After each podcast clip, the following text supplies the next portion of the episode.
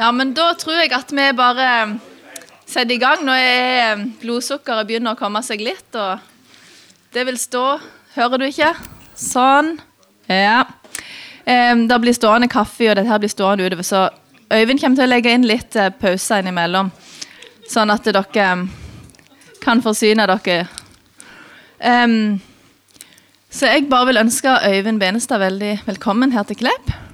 Um, jeg er veldig glad for at du kunne få til å komme her. Han skal være med på formiddagsmøtet på Fokus i morgen. Vi har om nåde og sannhet som en um, overskrift over denne våren. Og da um, er det jo mange ting som skjer her i landet som er viktige og store ting. I, tidligere i dag her var huset her fullt. Det var iallfall telt 170 pluss som var på internasjonal kafé. Og det var fra mange forskjellige land. Du får snakket med folk som kommer fra Syria og Sudan og flykt, har flykta fra landene sine og har kommet hertil og, og lurer litt på hva vi, hva vi kan hjelpe dem med her. Og eh, det var kjekt å ha en kafé og få lov til å treffe dem og snakke med dem, noen av dem. Og gi noen en avbrekk fra hverdagen, og kanskje vi kan lage noen nye vennskap der. Så det var veldig kjekt. Og det er jo en av tingene som skjer her i landet for tida. Alle flyktningene som kommer. Eh, og at landet blir mer eh, mangfoldig. Og eh, det Der skjer jo andre ting òg i landet nå, som Øyvind Benestad skal snakke litt mer om i dag. Kampen om ekteskapet. Hvem er ekteskapet egentlig for? Eller ja, hva er et ekteskap? Og hva jeg syns det personlig det er ganske vanskelig å forstå, for dette prestene, de som kan Skriften og kan Bibelen, mener at eh, det er greit. Og da syns jeg det er veldig vanskelig, for jeg kan ikke alt. Jeg skjønner ikke alt som står i Bibelen. Så jeg syns det er vanskelig å vite hva som egentlig er sannheten her. Så håper vi at eh, Øyvind Benestad, som har satt seg litt inn i dette her, og kjemper for ekteskapet, at vi kan få litt Få litt kunnskap om det. Um, så det var veldig kjekt å se alle som kom her i dag. Veldig kjekt å se at vi er en god spredning i alder. Og um, jeg eh, ønsker deg veldig velkommen, og alle som har kommet, veldig velkommen. Så jeg har bare lyst til å be for kvelden. Takk, Jesus, for at du er sannheten. Takk for at du er her. Og du hjelper oss å se sannheten i livet vårt og i det samfunnet vi lever i, så vi kan leve etter din sannhet. Må du var med Øyvind her i kveld, så han kan eh, formidle det han har på hjertet, og den sannheten du har åpenbart for han. Jeg ber om at det blir en eh, god kveld for alle som har kommet her. Og jeg ber for landet vårt, jeg ber for flyktningene. Jeg ber for eh, prester og kirker og alle som har ledende posisjoner her i landet. Jeg ber om at eh, det gjør vi får se sannheten, sånn at det kan bli eh, et land etter ditt, din vilje, Jesus. Amen.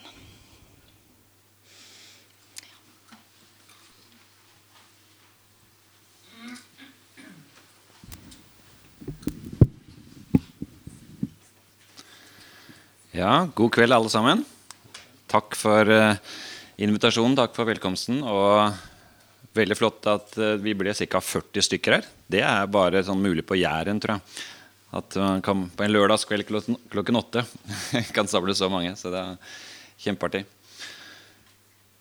Jeg kan jo bare si litt om meg selv først. For det er sikkert en del som har hørt navnet mitt, kanskje, eller vet at jeg holder på med denne kampen om ekteskap og barn og har gjort det i ganske mange år.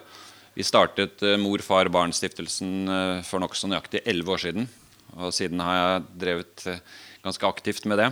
Eh, det er også sånn nå faktisk at eh, etter kirkevalget nå så har vi bestemt i Mor-far-barn-styret at eh, vi øker og styrker innsatsen. Så nå jobber jeg i 60% i denne gruppa. Ellers er jeg utdannet teolog og prest. Jeg har aldri vært prest i en menighet, men har vært studentprest i laget i mange år.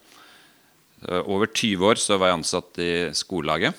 Eh, hvorav ti år i Portugal, hvor jeg jobbet eh, sammen med kona mi i kristen studentarbeid blant portugisiske studenter utsendt av den norske lagsbevegelsen for å være med å bygge opp skolelagsarbeidet i Portugal. Jeg har også jobbet elleve år i Åpne dører, som mange av dere sikkert kjenner, som støtter forfulgte kristne i ca. 60 land rundt om i verden. Jeg bor i Kristiansand, selv om dialekten ikke akkurat røper det. Så er der jeg bor for tiden. Har gjort det ca. 15 år. og eh, Der bor jeg sammen med kona mi, og så har vi to voksne barn. Og jeg har noen barnebarn også. Det femte er på vei, så det er en fryd. Jeg har eh, vært eh, kristen og trodd på Jesus så lenge jeg kan huske.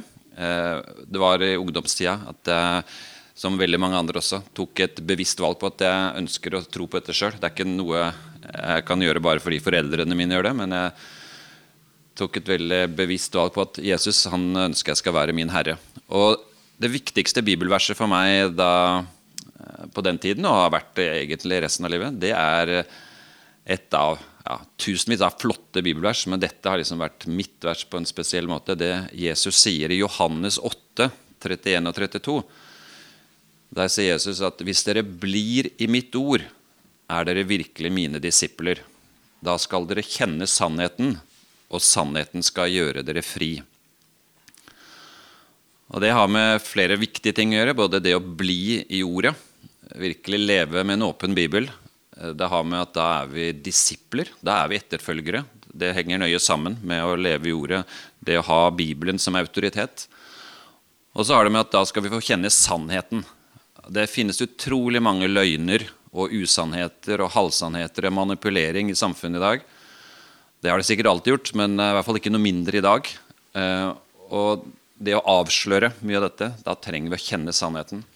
Og sannheten både om oss selv, om verden, om Gud, om livet osv. Og, og da blir vi satt fri.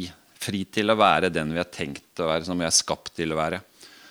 Og Det har vært veldig sterkt også når jeg har jobbet med forfulgte kristne i en god del år, å se hvordan Jesus setter fri, og ordet setter fri, også midt i forfølgelse, i motstand.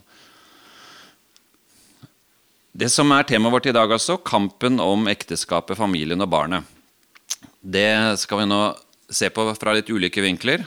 og vi skal både se på det, hvordan det har utviklet seg i samfunnet de få siste årene, og hvordan det også nå i kirken, Den norske kirke, og inn, langt inn i kristne sammenhenger, er eh, et område som vi virkelig trenger å skjerpe oss på og kjenne sannheten og følge den. Og vite at kanskje vi også må betale en pris for det vi tror på, mer enn kanskje vi er vant til å gjøre.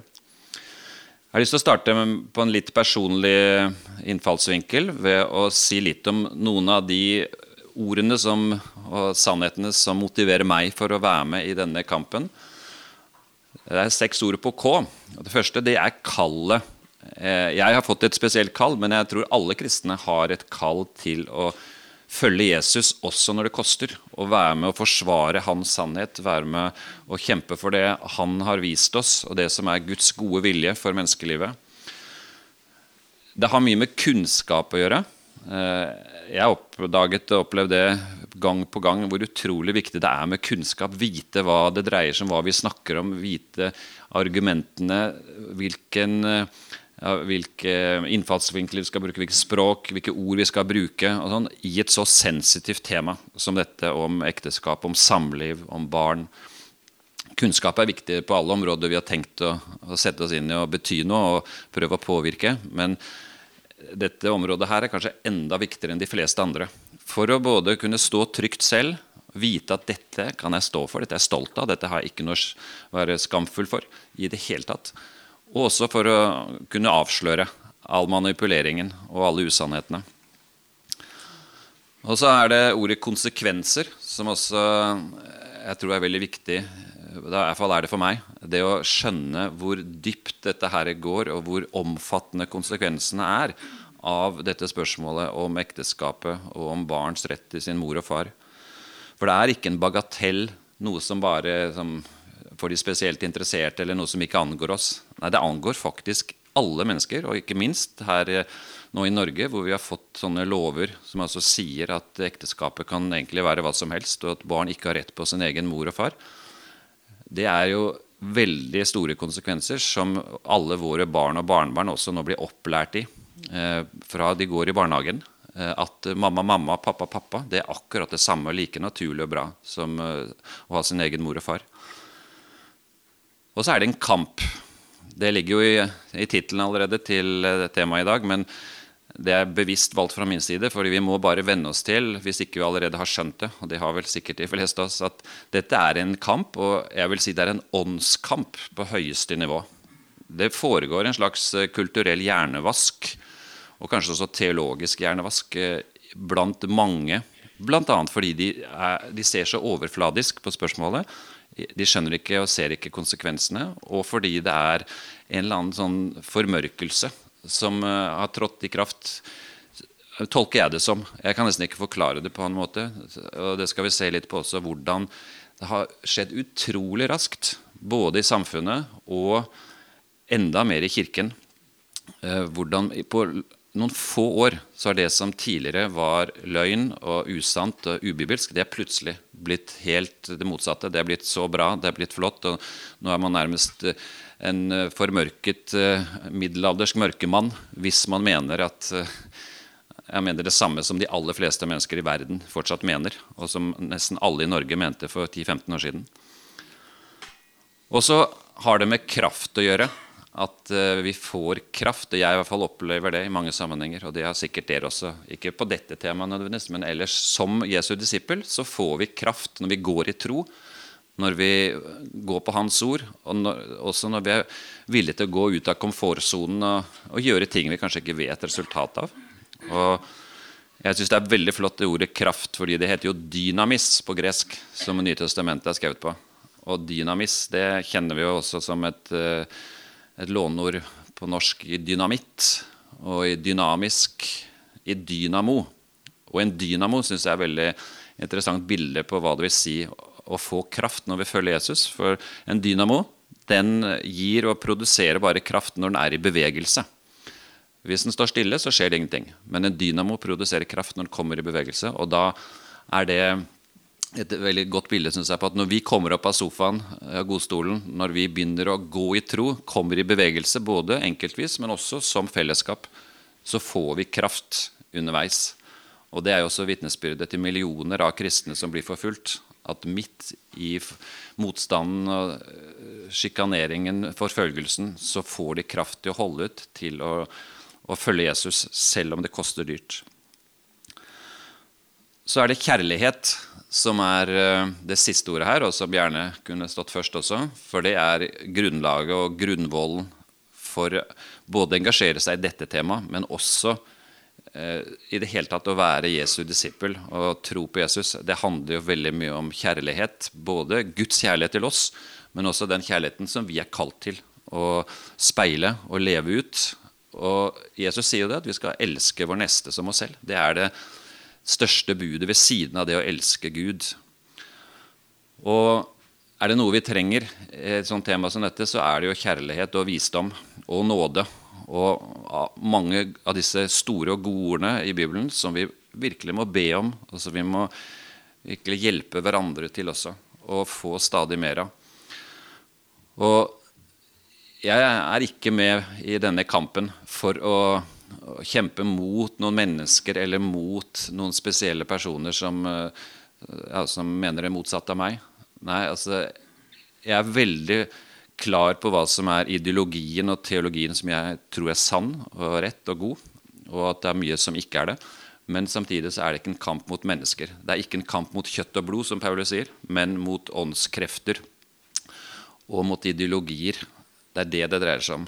Så jeg har som ideal i hvert fall, å ligne så mye som mulig på Jesus eh, i alle mulige sammenhenger. Og her også så må vi bare hele tiden øve oss i og be om at Gud vil gi oss stadig mer av sin kjærlighet i møte med de som mener akkurat det motsatte av oss.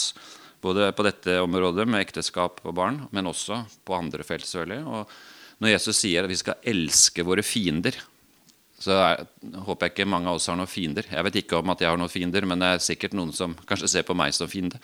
Men uansett så skal jeg elske dem med Jesu kjærlighet. Det er kallet vi alle har. Og Jesus sier til og med at vi skal be for dem som forfølger oss, og velsigne dem som forbanner oss. Det er utrolig sterke ting. Eh, og det er ikke sånn vi bare kan dra oss etter håret og bestemme at nå skal vi begynne med det. Men det er en prosess. Det er, eh, det er resultater av det å leve med Herren. Og stadig hjelpe hverandre også til å være preget av Jesu kjærlighet. Og da må vi bruke Jesu metode, som er nettopp eh, det ordparet som er tema her i fokus dette halvåret, nemlig nåde og sannhet. Vise nåde, vise kjærlighet, åpenhet, respekt for andre, uansett hvem de er og hva de mener og hvordan de lever. Og samtidig stå for sannheten. Og vite det at uh, vi ikke vil la oss presse, og være veldig klar på det. At ikke vi vil la oss presse til å oppgi det vi tror på, bare fordi vi skal være greie med andre eller vise kjærlighet. Altså Jesus er et godt eksempel på at man kan møte mennesker med dyp respekt og med kjærlighet, og samtidig stå for en sannhet. Og det er det vi gjør i så mange andre sammenhenger også. Vi kan respektere enten det er humanetikere eller muslimer eller buddhister eller hvem som helst, og samtidig stå opp for det vi mener er rett. Og Det er jo det som er toleranse. Det er jo det å være dypt uenig med noen, men allikevel si at jeg respekterer deg. Jeg vil forsvare din rett til å mene det du mener. Og Det betyr jo ikke at vi må være enige for å vise kjærlighet. Og Derfor så må vi bygge broer av kjærlighet av nåde, og samtidig trekke grenser av sannhet.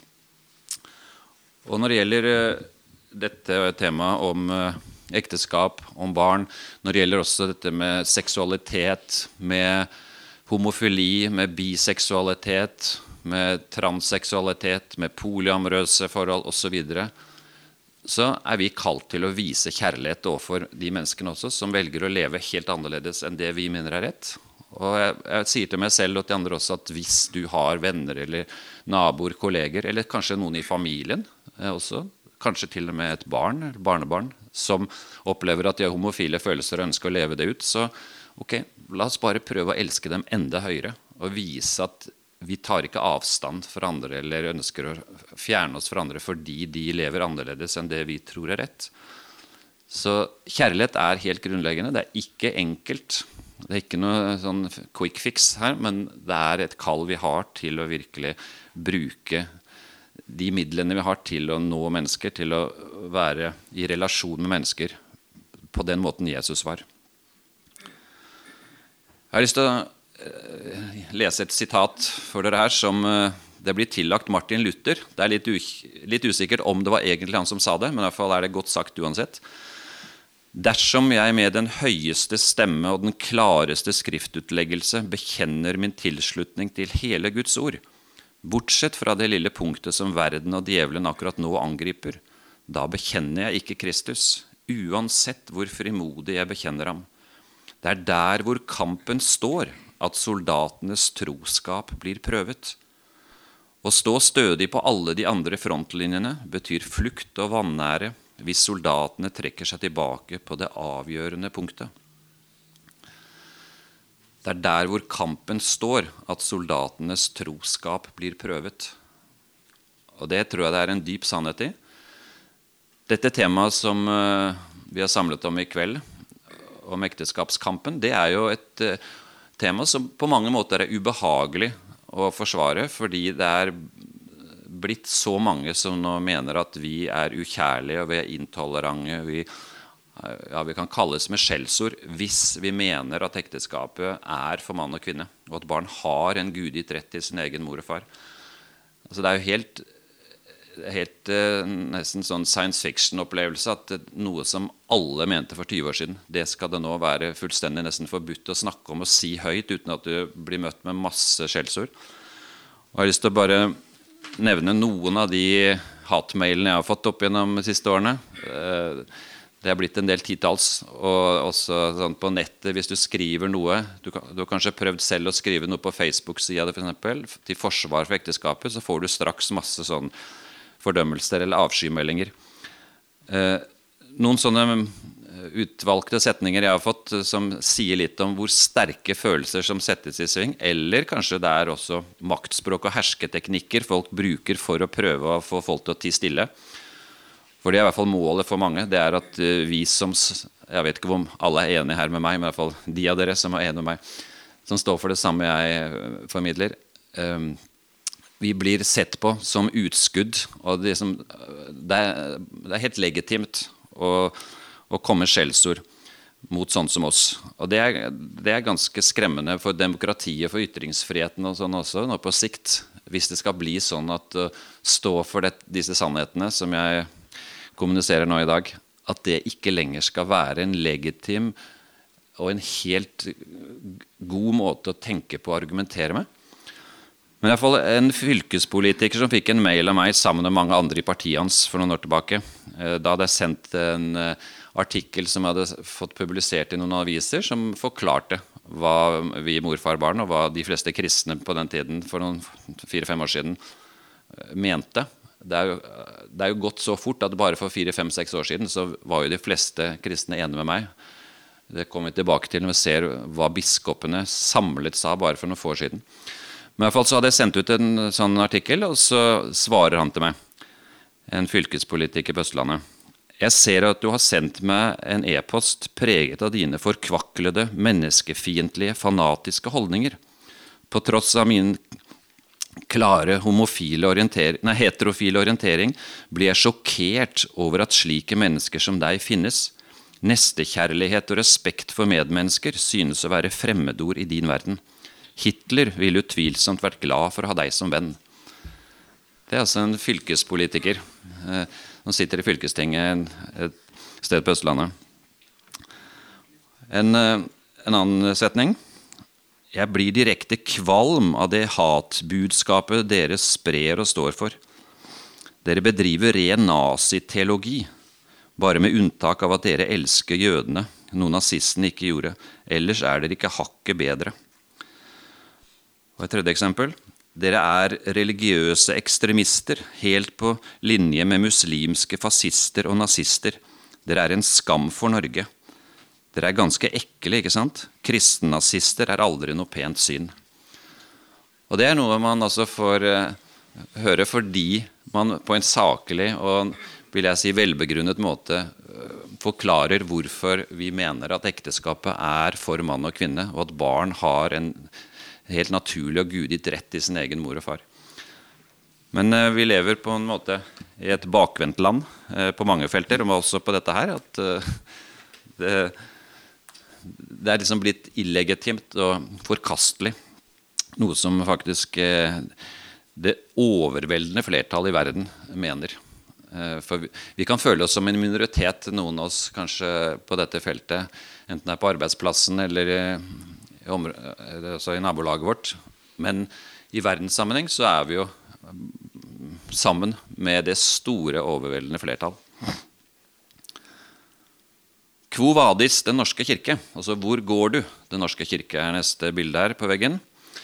Og da Et lite sånn tilbakeblikk over hva som har skjedd de få siste årene. Hvis vi går 20 år tilbake, eller 19 år tilbake, i 1997, så sa biskopene i en 30 eh, siders eh, uttalelse og en eh, sånn utredning som ble laget for bispemøtet, så sa de en av konklusjonene i det 30 siders heftet å sidestille heterofilt ekteskap med homofilt samliv er i strid med grunnleggende etiske prinsipper i Bibelen og må anses som kirkesplittende vranglære. Det sto biskopene bak i 1997. Det var tre av dem som hadde skrevet denne utredningen. Det var Sigurd Osberg, det var Odd Bondevik og det var Halvor Bergan. Tre biskoper. Og Så ble det behandlet i bispemøtet, og så ble det sendt ut som en ressurs til, eh, til alle organer i Den norske kirke som et ressursdokument. I 2004 og 2005, altså det er 11-12 år siden, så sa et enstemmig bispemøte nei til en kjønnsnøytral ekteskapsforståelse. De avviste enstemmig det som da var begynt å snakkes om, at det uh, var noen som kunne tenke seg av partiene å prøve å få det gjennom i Stortinget en kjønnsnøytral ekteskapslov. I 2004 det var første gang noen i Norge hadde hørt det ordet. Uh, da begynte noen i SV å snakke om det. Og så kom det opp i Stortinget etter hvert, og partiene, uh, av, tre av partiene hadde vedtatt det i 2005 på landsmøtet sitt, Arbeiderpartiet, SV og Venstre, at det var noe de kunne tenke seg å, å gå for og ha inn i programmet sitt. Da visste veldig mange nordmenn omtrent ikke hva det betydde engang. Men i hvert fall så ble det vedtatt eh, på disse landsmøtene. Men biskopene eh, skjønte at her kommer det til kanskje å skje noe, så vi må si noe for å markere at vi i Kirken mener at det er helt uaktuelt for oss å gå for noe kjønnsnøytral ekteskapslov og ekteskapsforståelse. Så enstemmig alle elleve biskopene, inkludert Rosemarie Køhn og Gunnar Stålseth, var med der i 2004. Og også da i 2005 så ble det helt enstemmig sagt offentlig at de ikke er med på en sånn en type ekteskapsforståelse. Og i 2006, så i lærernemnda, som da ga en stor uttalelse, en hel bok faktisk, etter å ha jobbet i tre år med det temaet om uh, homofili, ekteskap, samliv, så avviste 16 av 20 medlemmer i lærernemnda en kjønnsnøytral ekteskapsteologi. De var like klare som biskopene på at det er ikke bibelsk forsvarlig. Og I 2007 så avviste 83% av Kirkemøtet en kjønnsnøytral ekteskapsforståelse. Det var en avstemning som da var veldig tydelig. 83% mente at det kunne Kirken ikke gå inn på. Og I 2007, samme året, så sa altså ni av elleve biskoper og nesten samtlige bispedømmeråd de avviste forslaget om denne nye loven som Stortinget drev og, eller departementet drev og forberedte. Så som vi ser, det er eh, veldig eh, klar og entydig motstand mot en sånn tenkning som, eh, som nå altså Den norske kirkes kirkemøte eh, kommer til sannsynligvis å innføre eh, i løpet av kort tid. Bak på det ressurssporet som ligger her bak i rommet, så ligger det en del forskjellige ark. Jeg skal kommentere noen av dem underveis, og noe skal dere få utdelt. Men nå først skal jeg bare kommentere eh, hva er Kirkens lære om ekteskapet. er en veldig nyttig liten, et lite ark med alle de tingene som står her på veggen nå, som jeg har lest opp. Og her har dere formuleringene og også en del andre uttalelser som er gitt. Helt ordrett sitert, og som kan være nyttig også både for ens egen del og i samtale med folk. Å vise hva har egentlig vært Kirkens uh, syn og holdning og lære helt opp til 2007. Og I 2008 så vedtok altså Stortinget denne nye kjønnsnøytrale ekteskapsloven. Og så ble det nedsatt en komité, et uh, sånn samlivsutvalg av biskopen i 2009. For nå var jo situasjonen blitt en annen med denne nye loven. Så da eh, ønsket man at en komité skulle jobbe med det.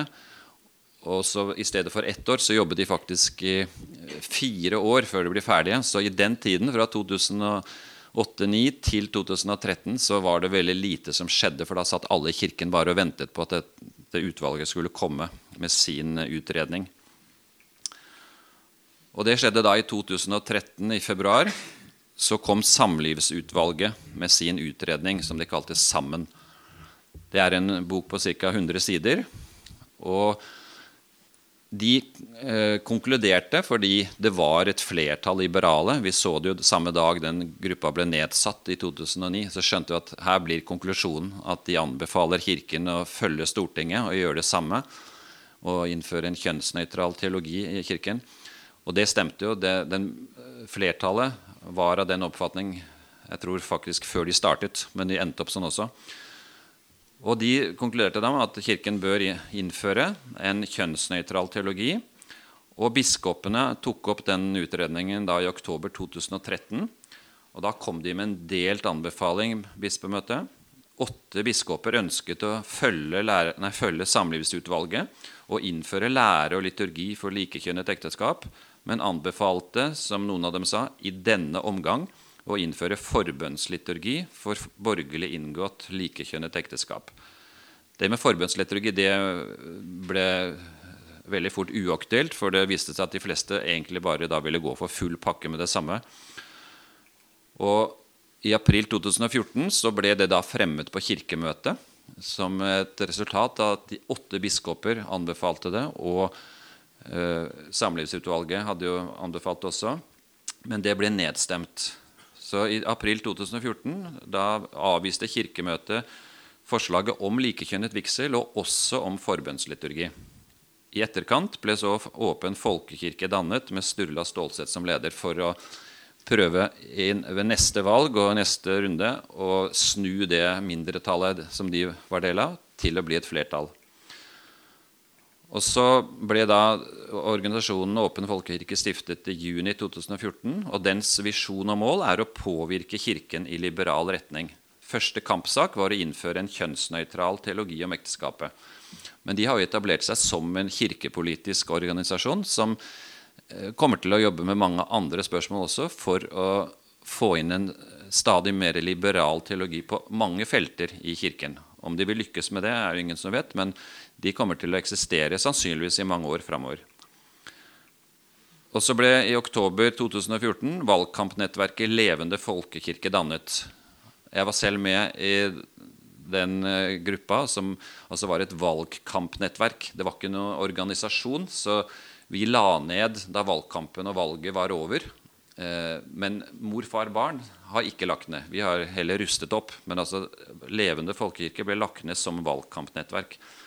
Men vi har jo et nettverk på Kirkemøtet blant alle de som ble anbefalt av Levende folkekirke, og som er blitt valgt inn. Så så vi har et nettverk eh, og, og, samarbeider, men det er ikke noen organisasjon som, eh, som, skal prøve å stille opp og kjempe mot åpen folkekirke. Så var det jo hele fjoråret som dere vet, eh, valgkamp fram mot valget, kirkevalget, som foregikk da i september. Og det endte opp med at Åpen folkekirke fikk valgt inn 47 lekedelegater. Og Levende folkekirke fikk inn 30 i tillegg sympatiserer et stort flertall av prestedelegater og leke ansatte kirkemøtet med åpen folkekirkes teologi. Og De fikk jo det store flertallet fordi det ble mobilisert som dere vet, eh, på mange fronter. Og det var jo entydig fra omtrent hele media, fra alle politikere, så å si, fra kulturpersonligheter, fra alle, så var det 'stem åpen folkekirke', 'stem åpen folkekirke'. Til og med statsminister Erna Solberg gikk jo ut og sa at hun hadde stemt det, og anbefalte andre å gjøre det samme. Og det er klart, Da skal det veldig mye til når alle som uttaler seg offentlig, støtter det som Åpen folkekirke eh, sto for, og ønsket å få dem inn med flertall, så, så, maktet ikke Levende folkekirke å møte det. Så vi fikk bare inn 30. Og det betyr eh, med biskoper og andre prester og kirkelige ansatte så har vi sannsynligvis rundt 44 stemmer fra vår side, og så er det 69 som vil stemme ja til likekjønnet vigsel. Og tre er fortsatt visst usikre. Men altså, som dere ser, det er et eh, stort flertall, 25 i flertall, for å innføre en likekjønnet teologi i Kirken. Og det er klart at uh, hvis det skal snu, eller bli noe annet resultat enn det som ser ut nå, så, så må det skje et historisk guddommelig under Til mine begreper. Menneskelig talt så er det umulig å få gjort noe med dette. Men det kan jo skje ting underveis som ikke det blir helt snudd, så i hvert fall at det blir andre løsninger. Og noe av det som dere sikkert har fått med dere også, det er jo at eh, det er jo en diskusjon om skal det være to liturgier eller én liturgi. Eh, det som det ser ut til nå blir vedtatt, det er jo at vi skal beholde den gamle liturgien, og så skal vi få en ny liturgi som er da beregnet på likekjønnede par, men som da Åpen folkekirke har sagt på sitt årsmøte, at den skal kunne benyttes av alle. Og da har man jo straks en stor strid i hvert enkelt tilfelle hvis presten ikke ønsker å benytte den kun på, på likekjønnede par, mens paret ønsker det, selv om det kanskje er mann og kvinne, så vil de ønske å ha den likekjønnede liturgien og tilpasse den. Altså, det er masse usikkerhetsmomenter her på hva som vil skje framover. Så det å tro at det blir ro om spørsmålet, eh, det kommer vi tilbake til også senere i dag. Det, det er en stor illusjon, tror jeg. For det er mange faktorer som viser at her vil Kirken få masse å stri med i årevis framover. Eh, så det, den illusjonen som noen lever på, at når vi bare får vedtatt dette, så kan vi begynne å tenke på andre ting i Kirken, det er nok nokså naivt. Jeg har nevnt allerede det som eh, jo er bakgrunnen for det som eh, har skjedd på rekordfart nå i Kirken de siste få årene. Og det har jo sin bakgrunn først og fremst i det som skjedde på Stortinget i juni 2008. For da var det radikale endringer i fem lover som angår ekteskap, familie og barn. Det ble vedtatt som en pakke. altså Det ble stemt enkeltvis over fem forskjellige lovendringer. Men de ble sett på som en pakke, og alt skjedde samme dag. Og Det ene det var jo at ekteskapsloven ble kjønnsnøytralisert. Ekteskapsforståelsen og ekteskapsteksten i loven nå er ikke lenger at mann og kvinne kan inngå ekteskap. Nå er det to personer av samme eller motsatt kjønn kan inngå ekteskap. Det er jo som grunnlaget for det hele. Men så ønsket jo politikerne og flertallet på Stortinget å, ha med en del andre ting, og det var jo av poenget. Fordi vi hadde jo partnerskapsloven i 15 år. Og den ga nøyaktig de samme rettigheter og plikter på alle felter som ekteskap. Bortsett fra det som hadde med barn å gjøre. Og dette er egentlig en barnereform. Fordi barn kommer da inn i disse andre lovene ved at bioteknologiloven ble endret sånn at staten nå legger til rette for at kvinner kan føde farløse barn ved assistert befruktning. Det er barn som blir født uten far.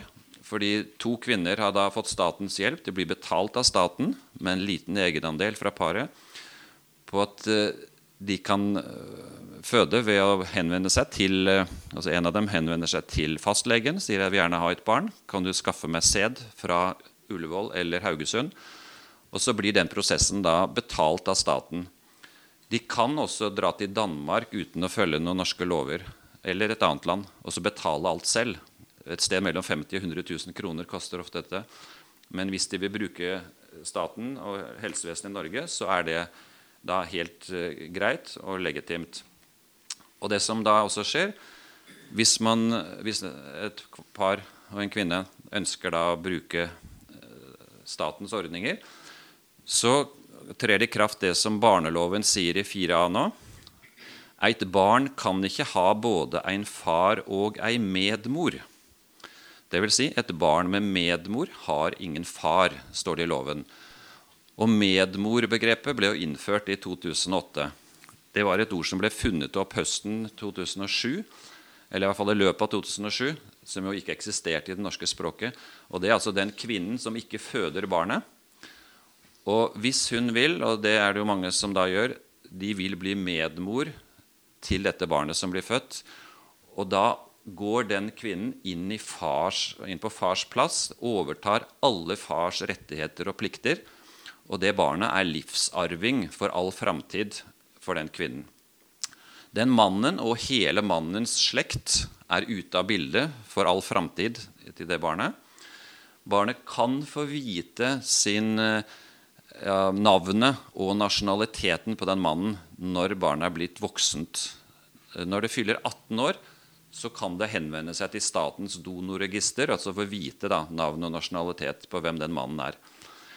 I Norge så har en mann lov til å være far sånn donorfar til seks barn. De som drar til Danmark, de kan ende opp med menn som er donorfar til 25. er det lov i Danmark.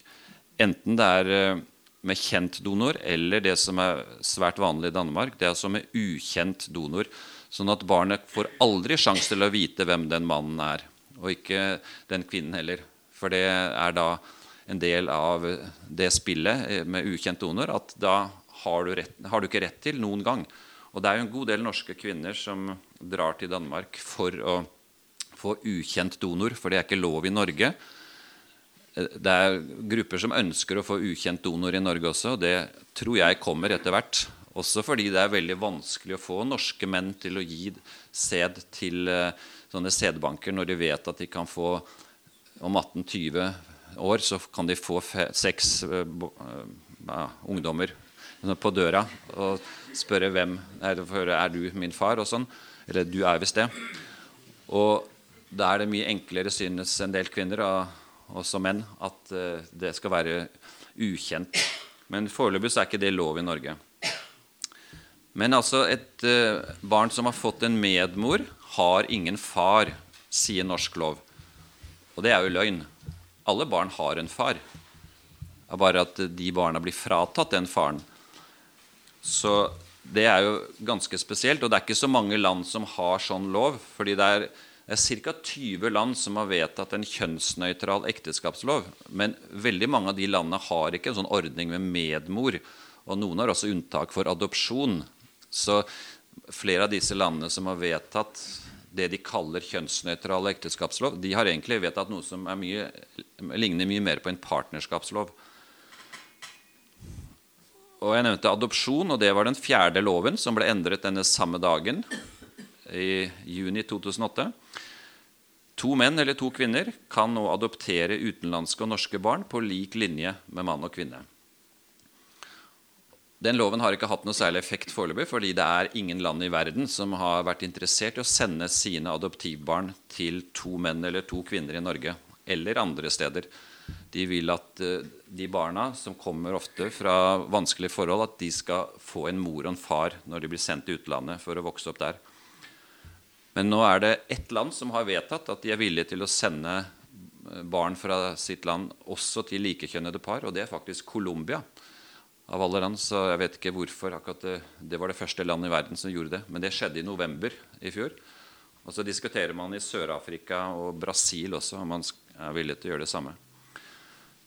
Men nå er det jo ikke noe kø av barn som venter på adop adoptivforeldre. Faktisk er situasjonen akkurat den motsatte. Det er lange køer av adoptivforeldre som ønsker å få adoptere barn. Og Det har jo bl.a. med at uh, de fleste land er blitt mer restriktive de siste årene med å sende barn ut av landet til uh, utenlandsadopsjon. F.eks. Kina og flere land de, er, de, vil heller finne løsninger innad i Kina enn å sende barna ut. Så bare for noen få år siden så var det 750 barn som ble adoptert i Norge fra utlandet årlig. Mens nå er det tror jeg, knapt 150. Og det er ikke fordi det er færre i Norge som ønsker å, ha, å få adoptivbarn, men det er fordi disse landene er blitt mye mer restriktive. Så er det partnerskapsloven som samme dag også ble endret og faktisk avskaffet. Så siden 2009, altså 1.1., da disse lovene trådte i kraft, så har det ikke vært mulig å inngå partnerskap. Nå er det ekteskap som gjelder. Likekjønnet ekteskap. Det som ligger i bunnen som premisser for disse lovene som ble vedtatt, og som også vil ligge faktisk i bunnen for Kirkemøtet og for Kirkens teologi, når den eh, etter hvert begynner å å leve sitt liv med en kjønnsnøytral forståelse, så er det også usannheter om ekteskap og barn som i hvert fall jeg definerer, og veldig mange definerer som usannheter som ikke holder mål, men som er et valg og et ideologisk valg som Stortinget tok, og som Kirkemøtet da kommer til å ta også, uten at de kanskje er klar over konsekvensen av det de vedtar. Og Det synes jeg er noe av det tragiske med kirke, den kirkelige debatten, at den har vært så overfladisk. og Blant annet har de ikke altså, Åpen folkekirke og mange fra den siden har ikke vært villige til å snakke om barns rettigheter, om barns situasjon. Barneperspektivet er ikke med i det hele tatt. Og så vet vi at det blir en udetonert bombe eh, på sikt. fordi hva skal Kirken mene om planlagt farløshet og morløshet? Skal Kirken si at det er greit, det er i pakt med Guds vilje? Eller hva skal man gjøre? Og det har man ikke avklart i det hele tatt. Og så vedtar man allikevel disse tingene. Så det, det, er ganske spesielt. Og det som ligger under i Stortinget, så norsk lovgivning nå, og som altså kommer inn kanskje bakdøra uten at mange har vært klar over det og ønsket det, men det kommer automatisk, er jeg overbevist om, fordi det er umulig å unngå. Og Det ene er at ekteskapet er ingen skaperordning eller fast definert institusjon med spesifikke kjennetegn. Man mener at ekteskapet er en elastisk institusjon som det rådende stortingsflertall og vi kan si kirkemøte har mandat til å definere og omdefinere som de ønsker. I Norge i dag så er det sånn at ekteskapet det er per definisjon det Stortinget sier at det er. Det er ekteskapet. Det er en sosial konstruksjon, som man sier på fint. Altså Det er en menneskelig oppfinnelse. Det er noe vi kan definere og omdefinere som vi ønsker. Det mener eh, det store flertallet av politikere på Stortinget. Og så en annen usannhet som, altså Disse setningene jeg nå leser opp, det, det, står ikke noen lovtekster, men det er premisser, det er holdninger, meninger, som ligger under for disse nye lovene som ble vedtatt. Og hele den kjønnsnøytrale ideologien. Man mener at den biologiske relasjonen mellom mor, far og barn den er ikke unik. Den kan like godt erstattes av andre relasjoner. Mor-far-barn-relasjonen er bare én variant blant andre like naturlige og verdifulle samlivsformer. Så man gjør noe veldig radikalt, nemlig man oppløser mor-far-barn-relasjons betydning. Sier at en mann og en kvinne som har felles barn, det er greit nok, men det er ikke noe spesielt. Det finnes andre måter å få barn på, og de er akkurat like legitime og like naturlige og like gode. Og man opphever forskjellen på norm og unntak. Det er ikke lenger noe som heter ideal eller naturlig, det, det bærekraftige, det staten vil prioritere. Nei, nå er alt like bra. Og jeg bruker selv et ord som vi skal se også litt senere i kveld, nemlig samlivsanarkiet.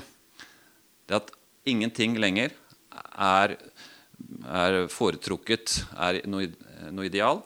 Alle skal nå stilles på lik linje. Alle typer samliv. Og alle typer foreldreskap. Alt som har med barn å gjøre også. Ingenting er lov å si at det er noe bedre enn noe annet. Og så mener man ut fra denne tankegangen at blodsbånd, slekt, arv, gener og biologisk tilhørighet er uvesentlig i et menneskes liv. Det som er viktig, er gode omsorgspersoner. Og Det har jo med både den medmor Hun er jo ikke slekt med barnet, men hun går inn i fars rolle og fars, på fars plass og erstatter ham 100% for all framtid. Og så har eh, Venstre og SV for nå vedtatt at uh, ikke bare to kvinner bør få statens hjelp til å skaffe seg barn, men også single kvinner Single kvinner i Norge bør få statens hjelp til å skaffe seg barn. Og Det betyr at eh, hvis det blir vedtatt, og det er ikke umulig i løpet av noen år, for også store deler av Arbeiderpartiet, og sannsynligvis også i flere andre partier, er enig i det, fordi det blir diskriminerende å si at to kvinner skal få statens hjelp til å få barn, mens én kvinne skal ikke få det. Men da mener de altså at det, en, det skal være en menneskerett for enhver kvinne over 18 år i Norge gå til fastlegen og si at jeg vil gjerne ha barn. Eh, vær så snill å sette i gang en prosess med det. Og da er det ikke engang en medmor eller en, an, en annen omsorgsperson i bildet. Nei, én omsorgsperson er nok, og det er da denne kvinnen. Og så kommer det etter hvert, og Hvis dette blir etablert, så er det jo diskriminerende ikke menn skal få hjelp til å skaffe seg barn eh, med statens hjelp. Så her er det mange ting som ligger i framtida, hvor det ene tar det andre, bordet fanger. og det skal bli veldig spennende å følge med utover eh, de neste årene hva som skjer på dette feltet. Men det som er i hvert fall helt sikkert, ut fra det jeg i hvert fall mener, det er at her er det dyptgripende, omfattende endringer som veldig mange ikke er klar over alvoret i når det settes i gang. Og så bare er det som en demning har åpnet seg, og så kommer det litt etter litt stadig nye krav, stadig nye ting som blir vedtatt, og som blir gjennomført. Vi avslutter med et par av de siste usannhetene som jeg har nevnt her. Det neste det er at staten har rett til å velge bort far på barnets vegne og har ingen plikt til å beskytte barns rett til å kjenne sine foreldre og få omsorg fra dem, sånn som det står i FNs barnekonvensjon artikkel 7.1. Og til slutt det ligger da også som grunnleggende premiss at voksnes krav og ønsker er viktigere enn barns gudgitte og naturgitte rettigheter. Voksne har en legitim rett til å skaffe seg barn, men barn har ingen rett til å kjenne og vokse opp med begge sine biologiske foreldre. Hvem er det som taler barnets sak? Hvem gjorde det i Stortinget? Hvem er det som gjør det nå i Kirken? Det er eh, faktisk så å si ingen av i hvert fall de som ønsker å få dette gjennomført. De de overser barnet, de ignorerer barns rettigheter og mener at uh, alle måter å få barn på er like bra som uh, naturmetoden med mor og far som får barnet, hvor barnet blir sett på som en gave og ikke en rettighet.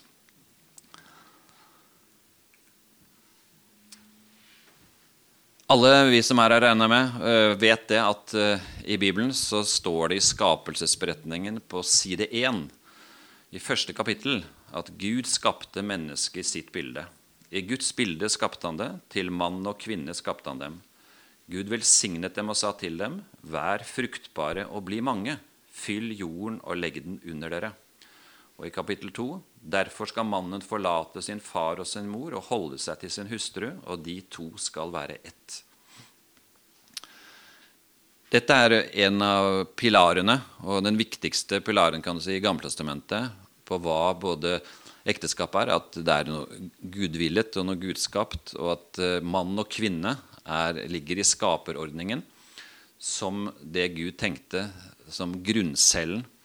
Og det går fram i alle tekster gjennom hele Bibelen, eh, fra første Mosebok til Johannes' åpenbaring, at ekteskap det er mann og kvinne. I all undervisning, i alle eksempler, historier, i metaforer og symbolbruk, overalt, så er det mann og kvinne som utgjør ekteskap. Det er ikke ett eneste unntak. Det, det, godtar også de som nå ønsker å innføre en eh, likekjønnet liturgi og en kjønnsnøytral teologi. De, de anerkjenner, erkjenner det, at det finnes ikke noe eksempel noe de kan støtte seg på i Bibelen men de bruker da bare andre metoder for å få det til. Og det er en overordnet teologi og forståelse av hva kjærlighet er. og At det er ikke godt for mannen å være alene, eh, står det i skapelsesberetningen. Og derfor skapte Gud kvinnen. Men da kan man jo like godt si at det er, det er, ikke godt for mannen å være alene, så han må få seg en annen mann. Eller det er ikke godt for kvinnen. Så kjærligheten overstyrer eh, alt som er av bud og lære. Og det blir jo utrolig spesielt ved at man kutter ut og bare legger til side alt som Bibelen sier om ekteskap, og så bare sier at nei, men nå har vi funnet en annen nøkkel, og det er kjærlighet. Og da er jo spørsmålet Hvis man gjør kjærlighet til kriterium for hva et ekteskap er, så er jo det svært eh, risikofylt hvis man skal tro det da at ja, parnormen er jo hellig. Det må jo bare være to. Ja, hvorfor det? Hva er problemet hvis tre elsker hverandre, og det er kjærlighet som er kriteriet? Hvem kan nekte dem det? Er ikke det å fordømme deres kjærlighet og se ned på deres kjærlighet, de tre? Eller fire eller fem? Eh, og Det virker litt sært sånn i, i første omgang, men det er faktisk noe som ligger i kortene. og vi har allerede to ungdomspartier her i Norge. Det er Venstres ungdomsparti, Unge Venstre, og Fremskrittspartiets Ungdom, som begge har vedtatt at de ønsker ikke bare en kjønnsnøytral ekteskapslov, men en antallsnøytral ekteskapslov, hvor antallet ikke skal bety noe. I USA i dag så er det 500 000 husstander som lever polyamorøst. Og poli det betyr mange eller flere. Og amor, kjærlighet, altså elsker flere enn én. Og det vil si at de kan leve tre kvinner, fire menn, det kan være to par, mann og kvinne, hva som helst, men de lever seksuelt sammen i gruppeektes, eller det bør ikke være ekteskap, men gruppeforhold, og med felles barn, eller med deres og mine og våre barn og sånn. Og mange argumenterer sterkt for at det er virkelig den beste formen, den største og mest rause formen for kjærlighet. At man ikke begrenser seg bare til én. Og barna får jo flere omsorgspersoner. Det blir som en storfamilie. Så også såkalte kristne nettsider. Eh, hvis man søker på nettet på polyamory, som er det engelske ordet, polyamory, så får du Sist gang jeg var inne, så fikk jeg vel ca. 800 000 treff på det ordet. Og det finnes mange nettsider og blader og noen som argumenterer og jobber for at det skal bli eh, legitimert.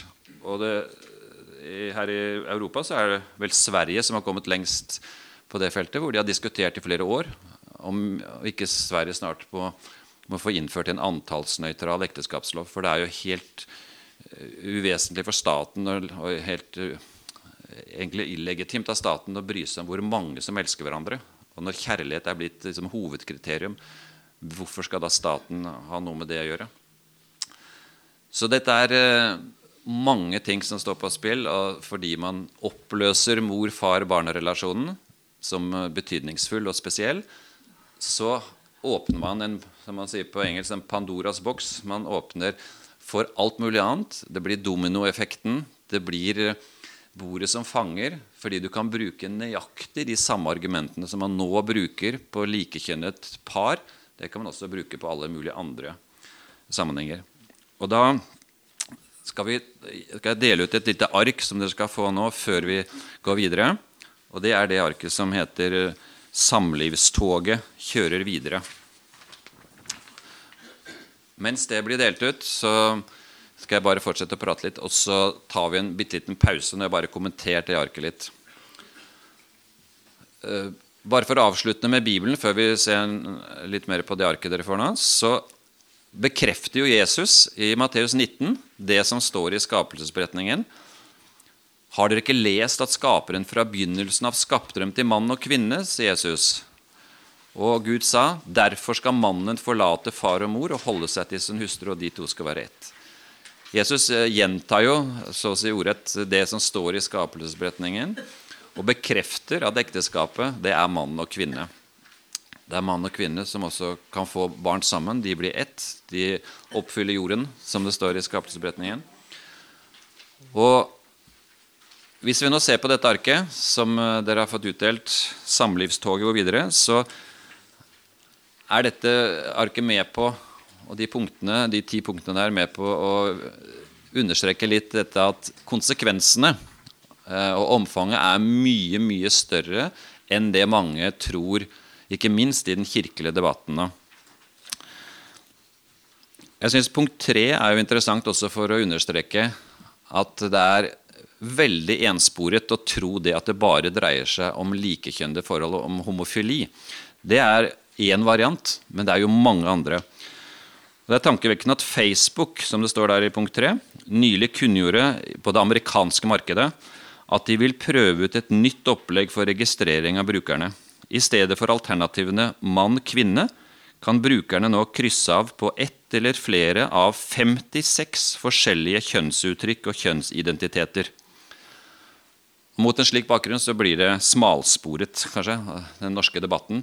Tro at det som, når man har fått eh, bestemt seg for hva man mener om homofili, så, så er alt på plass. Nei, det er veldig korttenkt å tro. Hvis vi oppløser betydningen av mor, far, barn, så har vi gjort det mest radikale av alt. Da, alt som følger etterpå, det er liksom bare variasjoner over samme tema. Da er det hva man venner seg til, og hvilke grupper som får gjennomslag, og hvem som kommer på Skavlan eller andre steder og har fortalt sin historie, og folk får sympati med dem. og De må jo også få sine såkalte rettigheter. Og dette her er eh, virkelig et stort tema og et stort område som vil gjøre noe med hele samfunnsveven, etter mine begreper.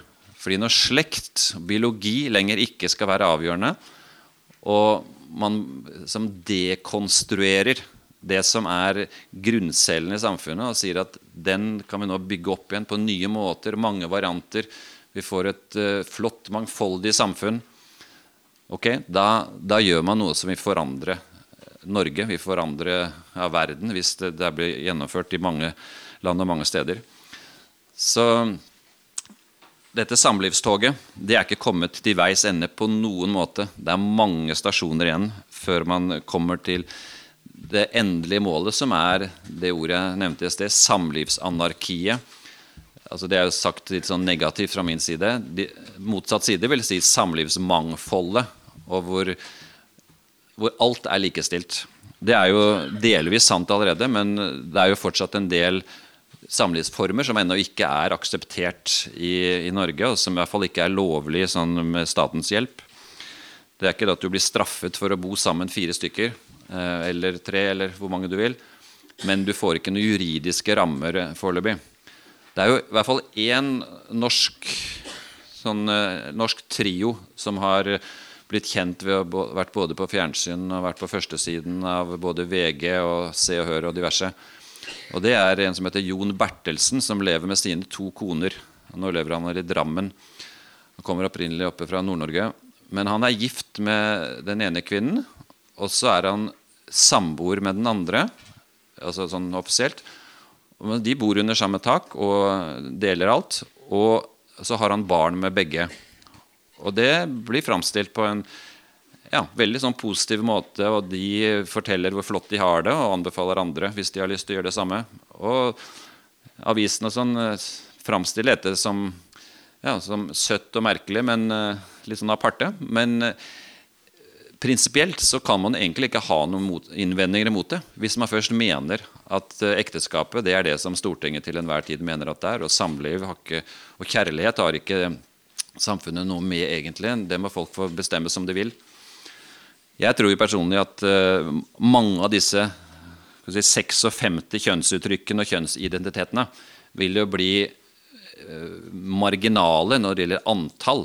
Uh, helt sikkert. Men det gjør noe med hele klimaet når man snakker om samliv. Det gjør noe med utdannelsen, med undervisningen, både til lærere, til elevene, til våre barn i barnehagen.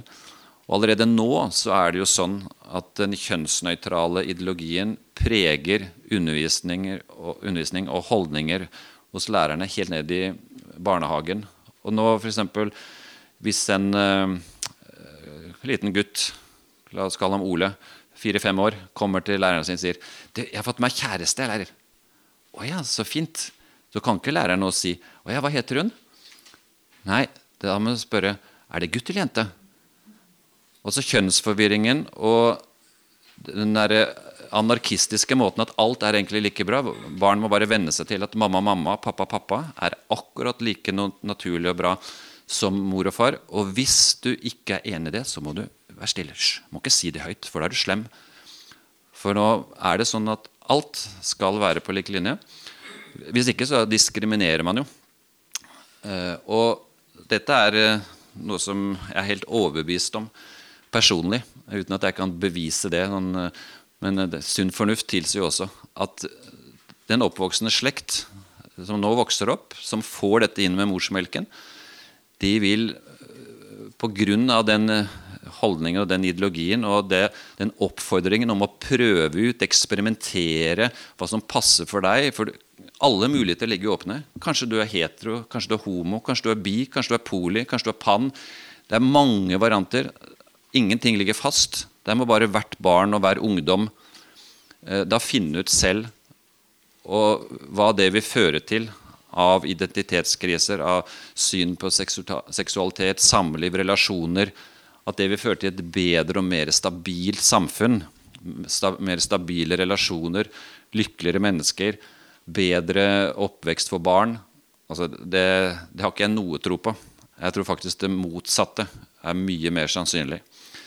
Fordi når du oppløser alle rammer, forventninger, såkalte sosiale scripts Så når du oppløser det, og alle skal bare få gjøre som de vil og må prøve ut Så er det klart at de sterke vil alltid klare seg, men dette er eh, sånn oppskrift på mye tap og mye problemer for de svakere, mer ressurssvake.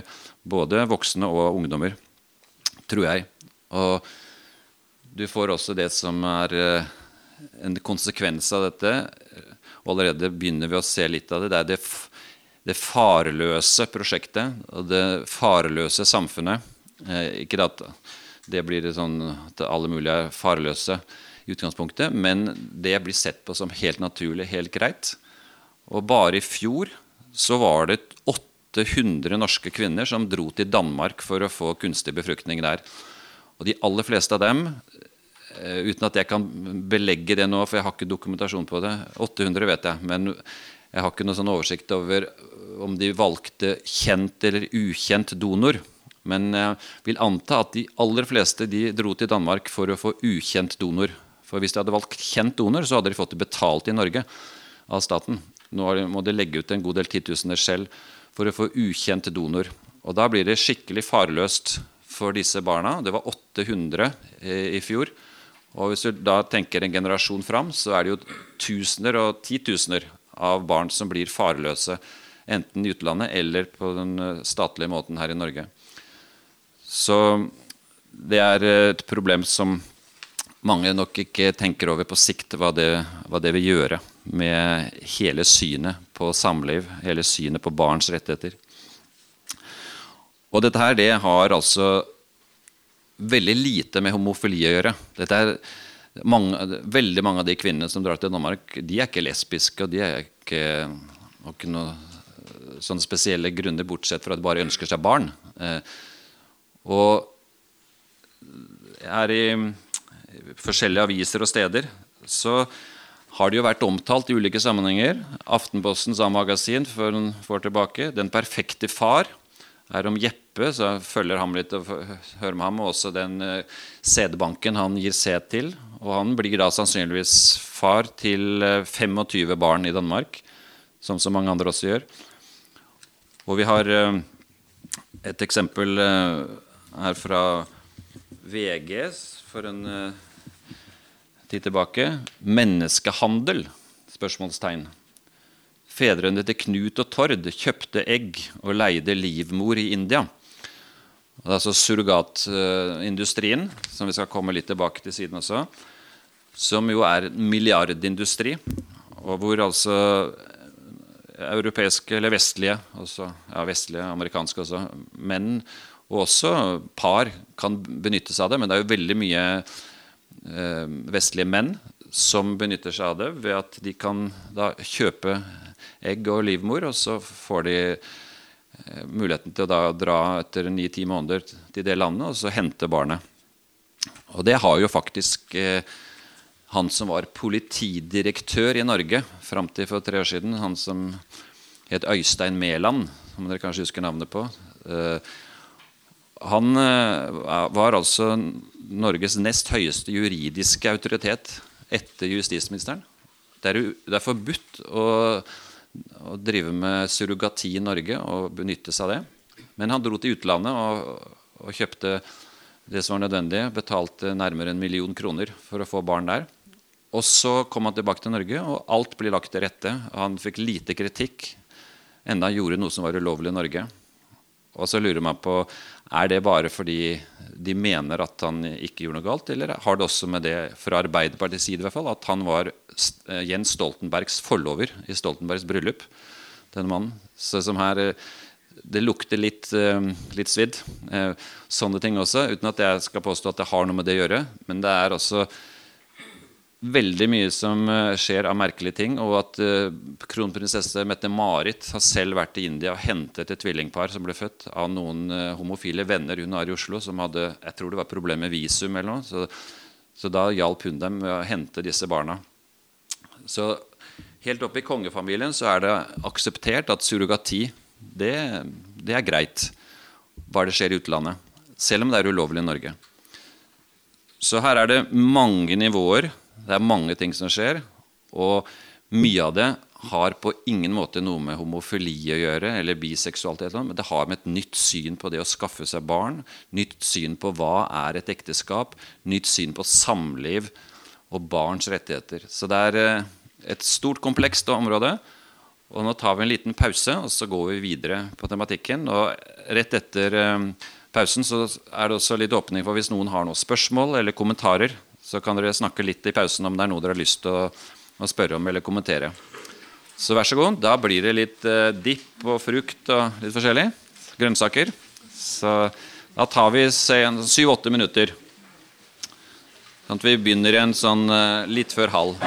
Ja, men da tror jeg vi starter opp igjen. Og da nevnte jeg det at eh, det hadde vært veldig flott hvis det var noen som hadde et innspill, et spørsmål, en kommentar. Så er det tid for det nå. Og Da er det kanskje hint om dere kommer fram og snakker inn i denne mikrofonen. Hvis ikke vi har noen ekstra mikrofon. Kan dere Er det mulig å komme fram? Jeg kan snakke høyt. Jeg trenger ikke mikrofon. Ja. ja. Nei, altså Jeg ville spørre om eh, det som jeg, syns er skremmende, det er eh, biskopenes liberale holdning.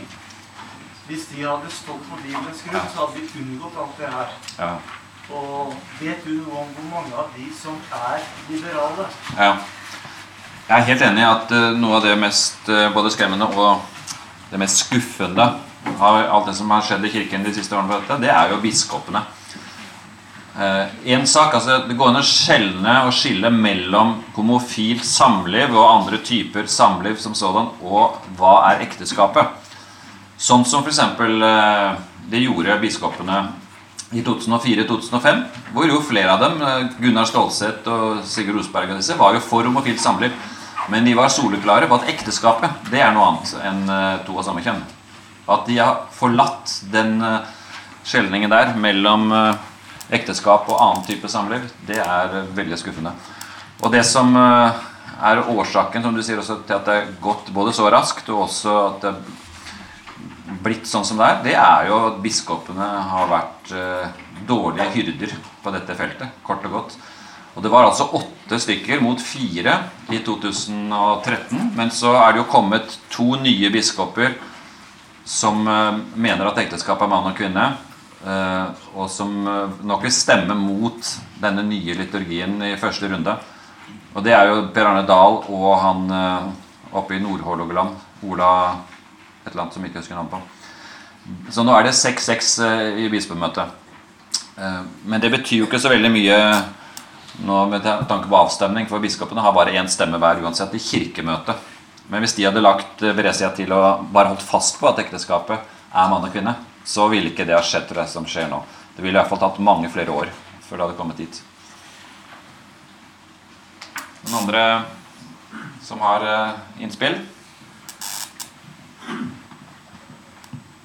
Denne utglidningen har sin, en av grunnene i den politiske situasjonen at det er det Arbeiderpartiet og Trond Giske som har utnevnt biskoper etter sitt syn. Mm.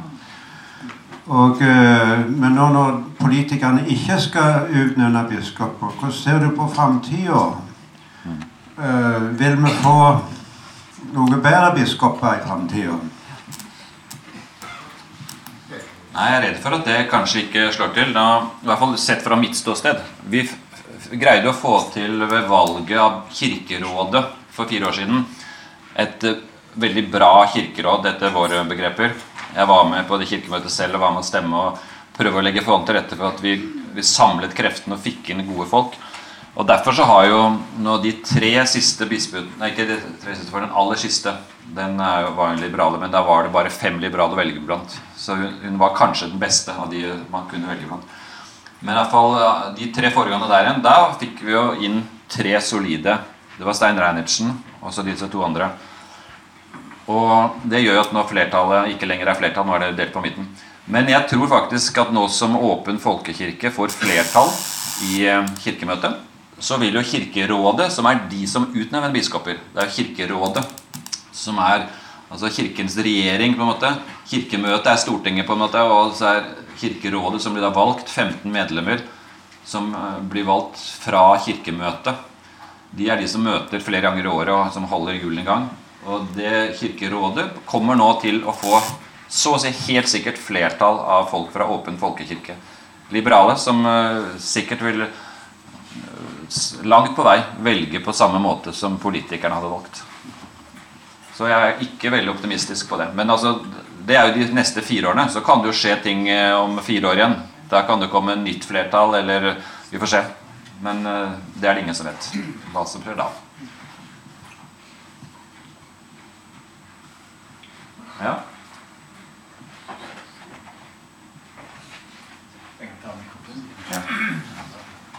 Du har litt svak stemme. Ja. ja. Beskjeden i tillegg. Så ja. skikkelig dårlig kombinasjon. Ja. Um, jeg tenker at um, det skulle mest vært si, samfunnspålagt å få to timer med Øyvind Bennestad eller likesinnede.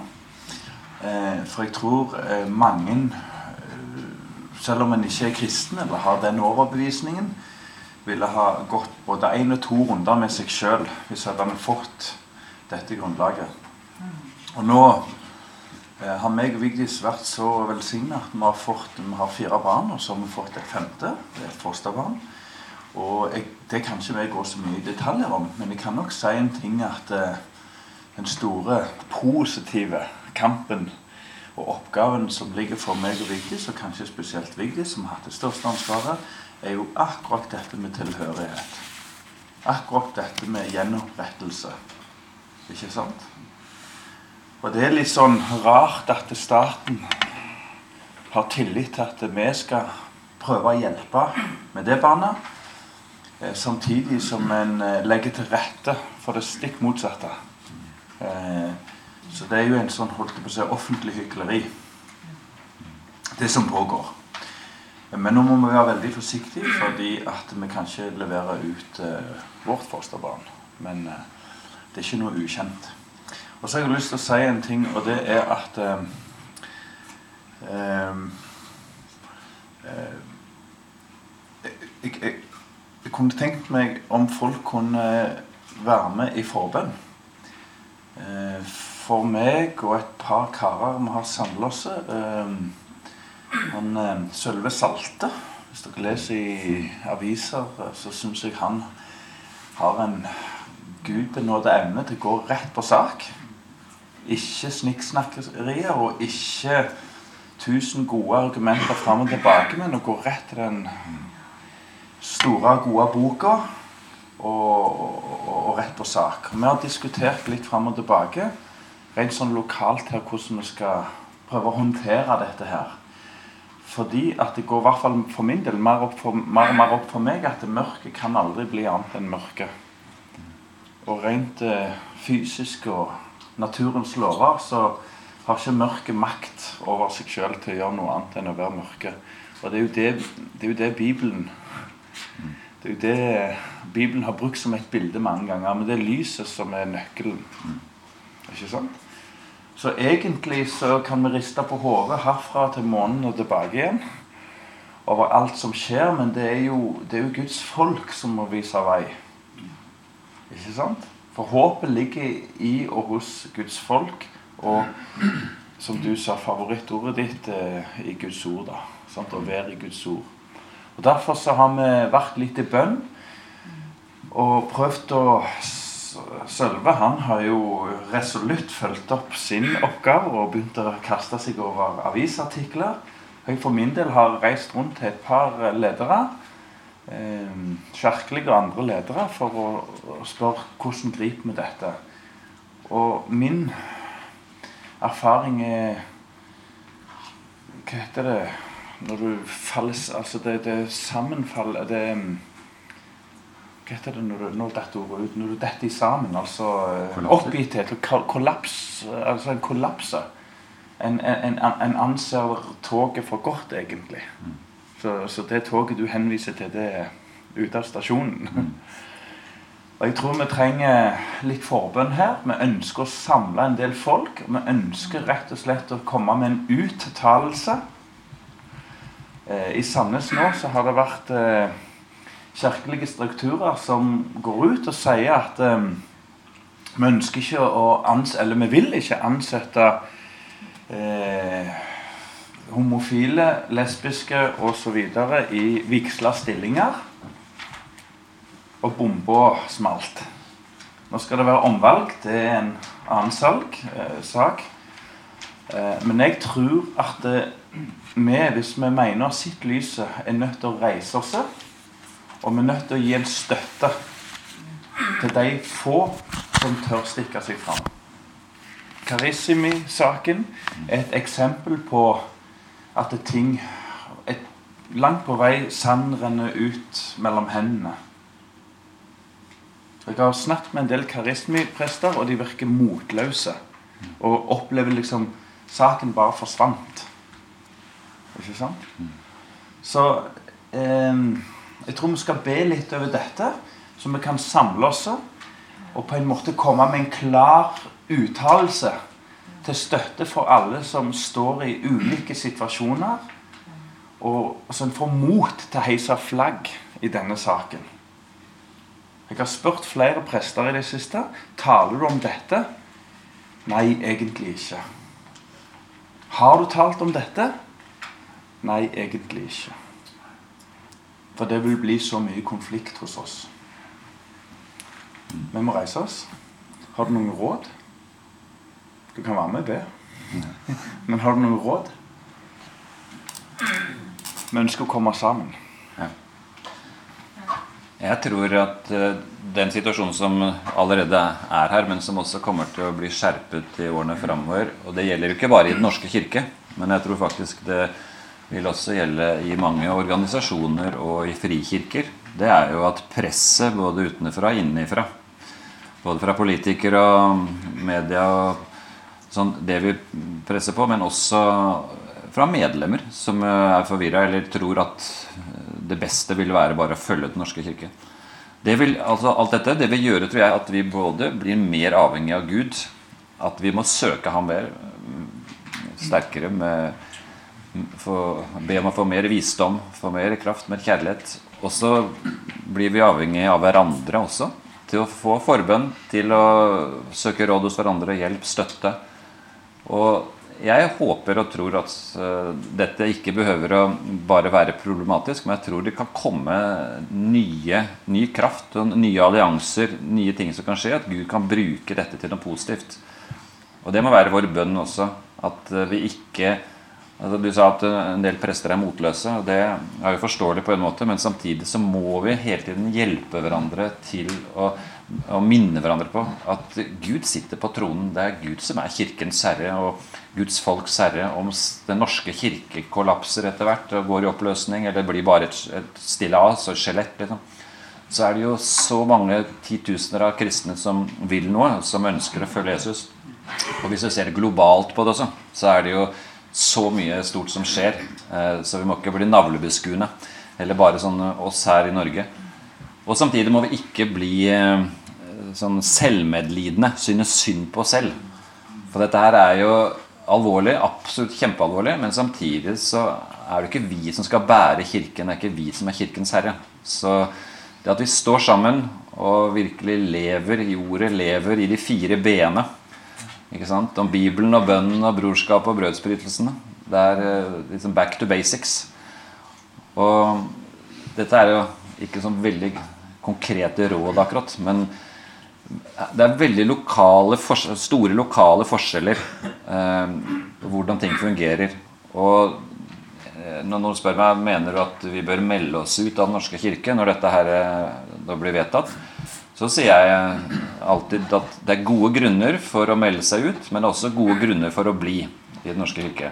Og det kommer helt an på din egen samvittighet og hvordan du har de lokale forholdene i forhold til presten, i forhold til hva som skjer i menigheten, og også i forhold til din egen tjeneste. Det er mange som kommer til å bli, og takk og lov for det, fordi de har en tjeneste. De ønsker å fortsette som ungdomsarbeidere, barnearbeidere eller hva som helst, eh, og vet at de kan gjøre en god, god jobb der. Hjelpe folk til å følge Jesus. Men samtidig så kan det bli veldig vanskelig og krevende, fordi det vil bli stadig nye spenninger og konflikter. Og Det kan godt være at i løpet av noen år så, så, må de også melde pass. De orker ikke mer. Det blir for slitsomt. Så de vil heller bruke kreftene et sted hvor de slipper å leve i sånne spenninger.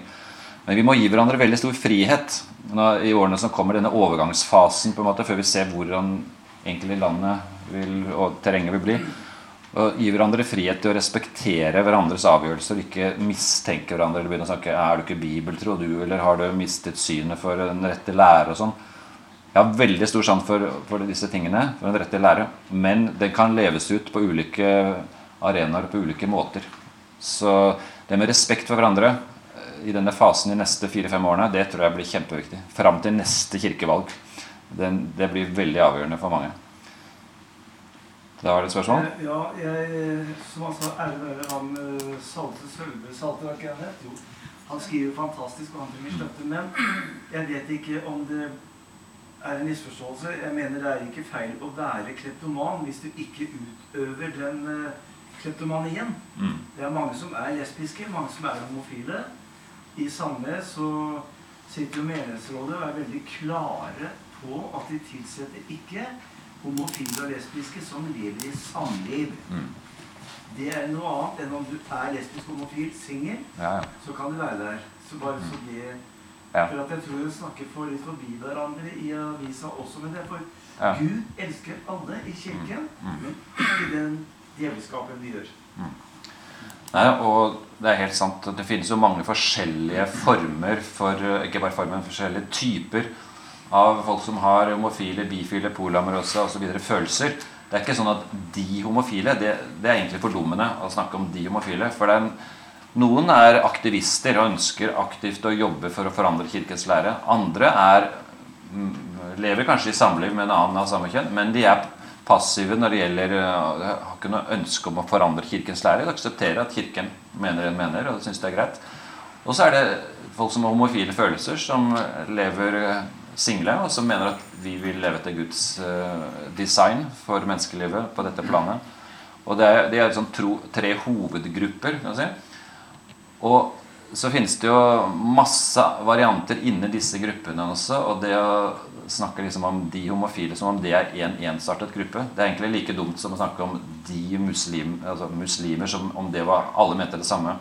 Eller uh, alle mulige andre grupper. Og når det gjelder antall, og sånn, så er det jo store undersøkelser både i England, og Canada, USA, Sverige, Norge som viser at det er rundt 1% av den voksne befolkning som, som regner seg, definerer seg som mennesker med homofile følelser og, eller lesbiske. Og så øker det litt, kanskje opp mot 2% hvis du regner med alle som har andre typer følelser, med biseksuelle eh, orientering og sånn. Men også 1-2% er det som er eh, det riktigste tallet, så langt man vet ut fra store undersøkelser som har vært gjort. Og når da folk snakker om både 5 og 10% så er det bare en overtro til mine begreper. Eh, og det har jeg god dokumentasjon på. Jeg har eh, tall på disse undersøkelsene. Den siste store i Norge som ikke var en sånn undersøkelse av dette, men de trakk ut data fra Statistisk sentralbyrå på ulike måter. Og da kom de fram til at det var i underkant av 1% Og den største siste undersøkelsen som var mer direkte på seksualitet, så var den store seksualvaneundersøkelsen i 2003. Det har ikke vært gjort noe annet uh, lignende på det feltet. Den viste at det var 1% som uh, definerer seg i Norge som homoseksuelle. Og det samme som jeg sier, i flere andre vestlige land. Vær så god. Uh, har du noen erfaringer over hvordan det Kanskje spesielt med prester? Hvordan det er nå det siste året, halvannet, og gjerne etter kirkevalget. Er det, er det resig resignasjon, eller er det ja, mot og, og vilje og ja. til, til, å heise flagg og til å forsyne ja. Nei, altså Min erfaring, uten at jeg kjenner alle steder rundt om i landet, men min erfaring er det som du nevnte med han eller de prestene du hadde snakket med, du spurte om det forkynte eller hadde gjort det. Og at nei, jeg har nok ikke det. Og det tror jeg er nokså vanlig. Det er mer resignasjon og jeg tror frykt også er noe som kjennetegner mange, mange. Både prester og andre som jobber i kirken, men også veldig veldig mange av andre kristne. Det er blitt en sånn fryktkultur eh, for å både skape splid og konflikt, og frykt for å komme i avisen og bli stilt veggs eh, av journalister osv. Så, videre. så det tror jeg faktisk er situasjonen. Eh, og det er jo ikke noe godt utgangspunkt for videre arbeid der. Men jeg håper Gud skal gjøre noe når avgjørelsene kommer i Kirkemøtet, og noen som Sølve Salte og andre som viser litt vei. Og kanskje vi Jeg håper det blir satt litt på spissen, sånn at også noen, en eller flere biskoper skal ta ordet fra munnen av våre biskoper, kan si, eh, som står på, på vårt syn at det skal markere seg mer. Nå er det blitt en sånn avtale mellom biskopene at de ikke skal diskutere med hverandre i media. Og at de skal liksom holde nokså tett. Eh, fordi de har fått denne avtalen om at de skal gå for to liturgier nå på kirkemøtet. Etter kirkemøtet så blir det lettere igjen, tror jeg. Og for dem også. Å si ting offentlig. Eh, og argumentere mot det andre biskoper sier. Ja? Bare takke voldsomt både Tveite og de andre som har hatt ordet, og til deg spesielt. Men jeg synes at vi regner for lite med bønn. Jeg tenker på Peter da han satt lenka i fengselet. Og kanskje var han bestemt for å bli drept samme natta. Og så kommer Gud inn, og det, de kristne brødrene står der de var samla til bønn. Og huset skalv, og Peter ble fria ut. Og ja, det, det er uten grenser hva Gud kan gjøre. Du må ikke være mismodig. Jeg leser ei bok fra Liv Kyllingstad Godin. Da hun var i, i Kongo, så måtte hun rømme tre ganger. Den ene gangen da kom opprørerne og ville ta henne. Hun hadde bedt om å få hjelp til å hilse på mannen som satt i fengsel. Men opprøreren tok henne en helt annen vei, og så satte han i været for tinningen, og hun tenkte om et sekund så er jeg i himmelen. og så bare falt geværet til jorda. Så han fikk ikke lov å drepe ham. Og så gikk de i lag til den katolske misjonsstasjonen, der han bekjente for partneren hva han hadde gjort.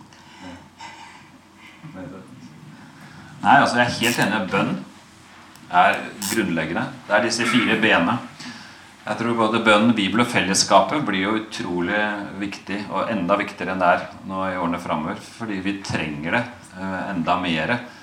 Og jeg syns det er utrolig sterkt også å huske på at uh, Bibelen er jo, og ikke minst Nytestamentet, er jo full av både oppfordringer og undervisning og eksempler på at det å møte motstand for Jesus skyld det er faktisk uh, det normale kristenliv, egentlig.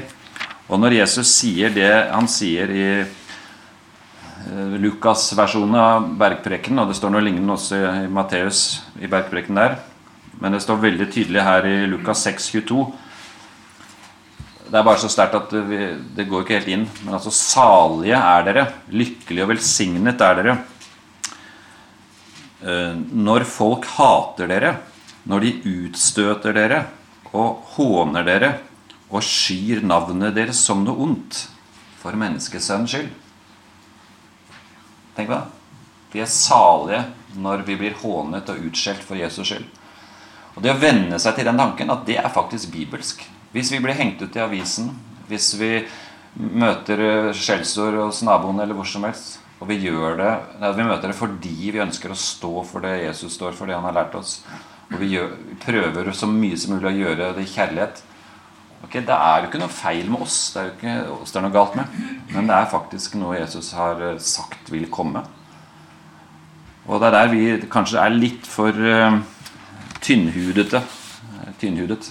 Og at vi har kanskje litt sånn mål å være people pleasers. Sånn som alle skal like oss. Alle skal synes vel om oss. da blir det veldig lett at vi inngår kompromisser og ikke minst blir tause. Fordi det er ubehagelig. Og det er forståelig. Menneskelig talt er det veldig ubehagelig.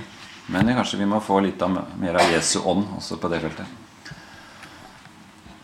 Ja, da er det to spørsmål her. Nå må vi Klokken er faktisk fem på ti. Jeg har halvparten igjen, men jeg skal Dere får, skal komme i morgen, skal jeg si litt, eh, litt mer da. Skal være kjapp. I, I norske barnehager så ønsker de at de skal, mannlige søkere skal søke fordi at de ønsker papparollen. Snakker de da mot bedrevitende, egentlig? Ja, det har jeg spurt. Det har jeg også spurt meg selv om. Jeg var nettopp i Fedrelandsvennen eh, på Sørlandssendinga forleden at i Kristiansand er det 9% menn og 91% kvinner, og det er forferdelig. Det er bare helt uh, forkastelig at det er sånn. Det må vi gjøre noe med. Så kjønnskvotering er veldig vanlig. Men så er det ingen som ber om kjønnskvotering i ekteskapet. Og det, det, det har vi som et slagord. Ja til kjønnskvotering i ekteskapet. På den arenaen hvor folk, barn virkelig trenger både mann og kvinne, mor og far, der er det ikke så viktig. Men i barnehagen og på styrerom og sånn, der er det veldig viktig at det er minst 40 av hvert kjønn. Så det er noe som ikke henger helt på greip. Så da var det et spørsmål der.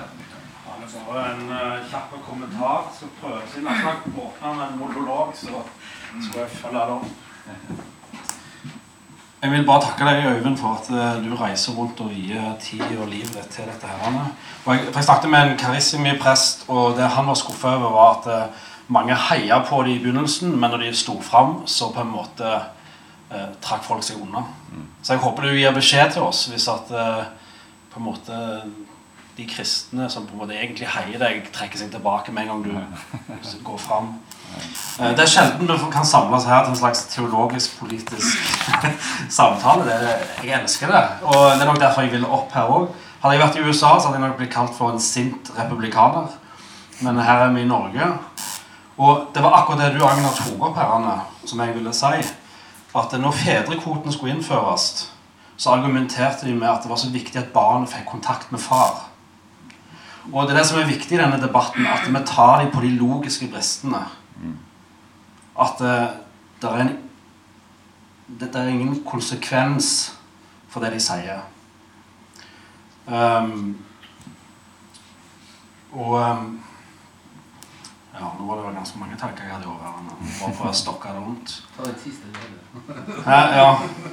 Eh, Men det er det som jeg, jeg tror er veldig viktig. Og vi som kristne eh, Det står at eh, budskapet er som en snublestein for jødene, og det er dårskap for grekerne. Og jeg tror det er derfor at du møter så mye hets. Fordi at når vi på en måte argumenterer ut fra en teologisk bakgrunn, så grekerne, altså alle unntatt jødene, de skjønner det ikke. De har liksom ikke den bakgrunnen. Jødene hadde bakgrunnen, de forsto at det skulle komme en frelser. Men de, de, de skjønte ikke at det var Jesus. Mens grekerne, resten av oss, vi, er, er et syndig menneske. Det Fins det én Gud? Og vi kan sitte ganske rolig i stolen og tie stilt med budskapet og leve komfortabelt. Men vil du si på en måte hva er sannhet og hva er løgn, eh, så koster det. Litt sånn politisk, bare for å være kjapp. Eh, det som skjer i politiske budskap, er jo noe som trenger seg fram fra en ganske liten gruppe, men det er mange som er enig med dem. Om vi ser resultatet en stat innfører lover og regler, så får det konsekvenser for deg. Hvis du ikke etterkommer det, så kutter vi det. Du får ikke den jobben, du får ikke drive den skolen, den barnehagen. Så jeg vil oppfordre oss som kristne at vi stemmer fram de partiene som er for mest mulig frihet. At folk kan leve de livene, at staten har minst mulig inngrepen i livet ditt. Jeg har større ansvar overfor rørleggeren som jeg inngår en kontrakt med, enn med kona mi. Jeg kan forlate kona mi uten noen som helst grunn. Jeg kan aldri i livet gå fra en vinnende kontakt med rørleggeren min. det er et paradoks. Så spørsmålet mitt er hva har staten med ekteskapet? Hva har de i den businessen? Det er et veldig stort spørsmål, men jeg syns det er relevant om vi kan stille det. Har staten egentlig noe som helst med ekteskap å gjøre? Um, så Fordi at vi er frie til å velge det livet vi vil. Hvis jeg vil leve med en mann, så er det ingen som kan hindre meg i det. Det er ingen stat som skal hindre meg i det. Men at en stat skal på en måte gjøre det til en regel, og så tvinge alle andre til å etterkomme det, det er jeg sterkt imot. Så vi må få mer frihet i landet, sånn at vi kan drive de skolene vi vil, de menighetene vi vil. Og bare helt kjapt Statskirketanken er for meg en forkastelig tanke. Staten har ingenting i kirka å gjøre. Og vi har levd i de siste åra, eller ikke de siste åra, men tidlig 1900-tall og ut gjennom, i på en måte godhetstid, der det har vært en, en enighet mellom stat og kirke. Men går vi tilbake til Hans Nilsen Hauges i tid, og går vi fram til nå, så ser vi baksida av medaljen. Yes, jeg tror det var det. Takk skal du ha. Viktig tanke, det også. Eh, nå er klokken eh, til min eh, tidsberegning nøyaktig ti. Eh, har vi ti minutter ekstra? Til slutter ti-ti. Altså, hvis det er noen som må gå klokken eh, nå, eller nå, så er det bare å gjøre det uten noe som helst dårlig samvittighet. Men da skal jeg liksom runde av litt med noen ting. og Så kan jeg si med det samme, for, for sikkert sånn at jeg må slutte plutselig. Og det er at Der ligger det altså et uh, lite sånn ressursbord med noen bøker til uh, å kikke på hvis du er interessert uh, i tematikken. Jeg kan fortelle noe om, dem hvis du vil det. Og så er det en av hun Nina Karin Monsen som jeg selger for 50 kroner. Som ligger der 'Kampen om ekteskap og barnet'. Var den hun fikk Fritt Ord-prisen for. Og det er bare å ta av disse forskjellige ressursarkene så mye du vil. Og jeg håper du tar med i hvert fall ett av hvert. De ligger også på nettsiden vår på morfarbarn.no. Der ligger også, Dere kan printe ut og mange flere, masse ressurser. Og Det ligger også et oransje ark der hvis du vil ha, være på mailinglista vår. Så kan du skrive e-postadressen din og du skal krysse av hvis du har lyst til å få noe informasjon om uh, å være støtte med, ikke medlem, men sånn, uh, hvis du vil ha noe u, uforpliktende informasjon med givertjeneste, og sånn, så har vi mulighet for det. Men altså, det, er, det er særlig for å være på mailinglista. Et Ja. spørsmål. Nina Karin Monsen. Ja. Er hun inne sammen med deg og dere som vil jobbe med dette? Hun er ikke med noe sånn spesielt i Morfar barn. Det er hun ikke. Hun driver med sitt prosjekt, og vi driver med vårt, og vi samarbeider litt og har kontakt, absolutt. Men, eh, Og det er også en som heter Øystein Aasen, som driver det Barn og foreldrerett som går bort til Froland i Arendal, som også har gjort bra arbeid. Men vi, vi, har ikke noe sånn organisatorisk samarbeid, noen av oss. Det har vi ikke. Og det er litt fordi vi, alle vi tre er litt sånne som liker å gjøre ting på vår måte. Og som vi vet at hvis vi slår oss sammen, så er det noen som kommer til å bryte ut etter hvert allikevel. Og så er vi like langt. sannsynligvis. Men det er, det er mor, og barn som er mest organisert med et styre og en stiftelse som har kun dette med ekteskap og barn som, som hovedtema. Men jeg skal bare gå veldig raskt eh, gjennom et par av disse siste her. Det første det er altså at vi må foreta et valg. Og det er det jeg regner med at mange av dere allerede har gjort, men også blir styrket i det. At dette valget, disse verdiene, disse sannhetene står jeg på uansett. Det, det er ikke noe sjanse om å skulle inn i noe kompromiss eller begynne å, å ja, gå på kompromiss med dette her, for dette står jeg for. Jeg er stolt av. Det kan jeg proklamere i alle sammenhenger. Og Det ene det er at ekteskapet per definisjon er en institusjon for mann og kvinne. Ekteskap, foreldreskap og barn hører uløselig sammen. Barn har en medfødt og gudgitt rett til å kjenne sine egne foreldre. Og vi kunne godt si så langt det er mulig og forsvarlig. For det finnes jo unntak her med alkoholiserte foreldre, eller det er død, det er noen barn som blir forlatt, hva som helst. Altså, det er jo unntakene hvor staten og vi må prøve å hjelpe og løse nødsituasjonen. Men altså som et prinsipp så har barn en gudgitt rett til å kjenne sine egne foreldre, som også Barnekonvensjonen sier. Mor og far er unike personer i et barns liv. Verken mor eller far er overflødige. Barn er en gave, ikke en rettighet eller en handelsvare.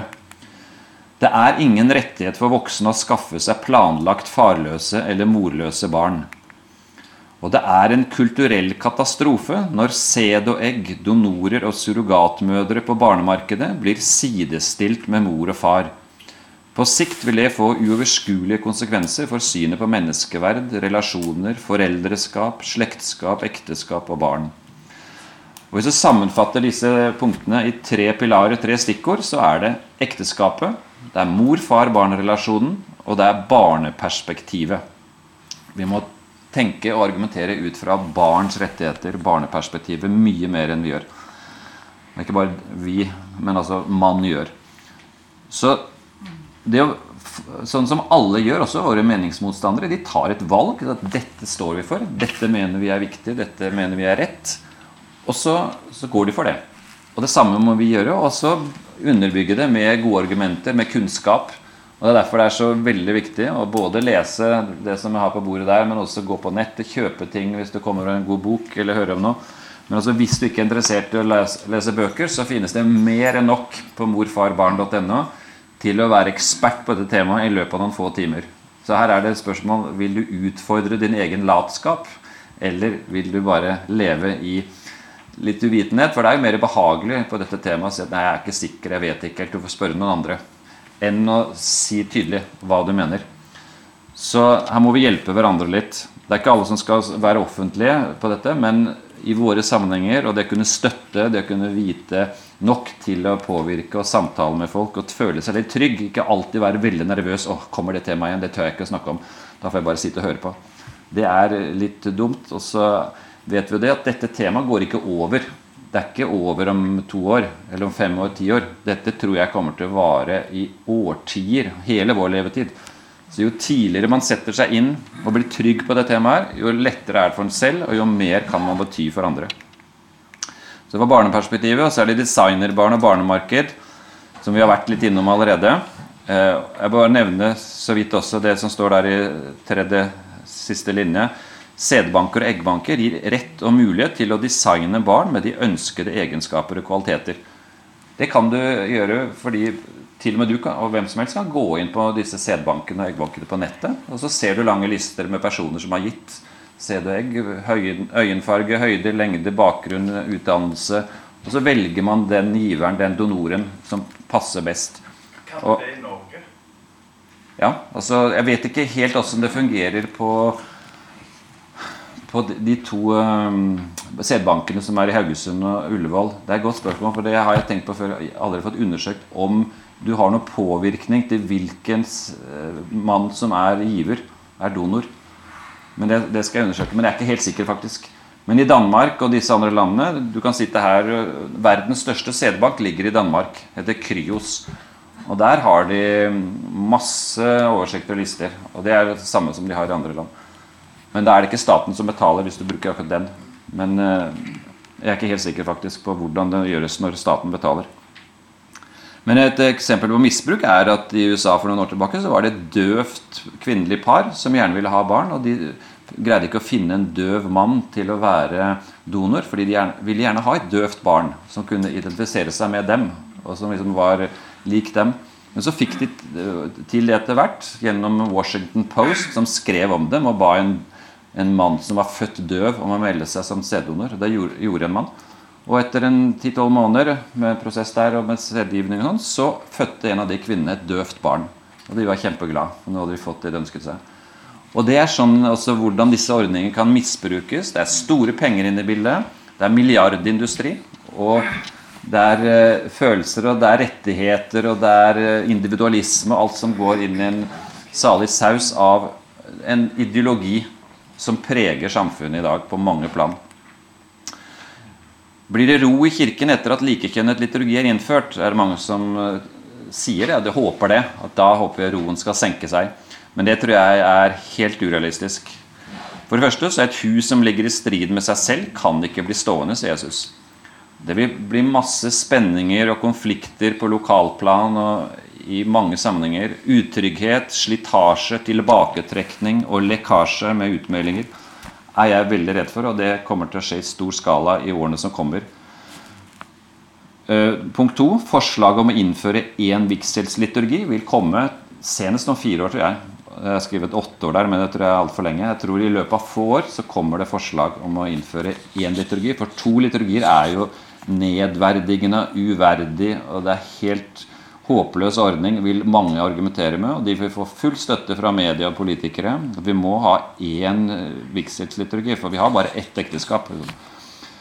Og så er det barneperspektivet, som hittil har vært fortiet og ignorert i den kirkelige debatten, som jeg allerede har snakket om. Og så punkt fire der, den kjønnsnøytrale ideologien.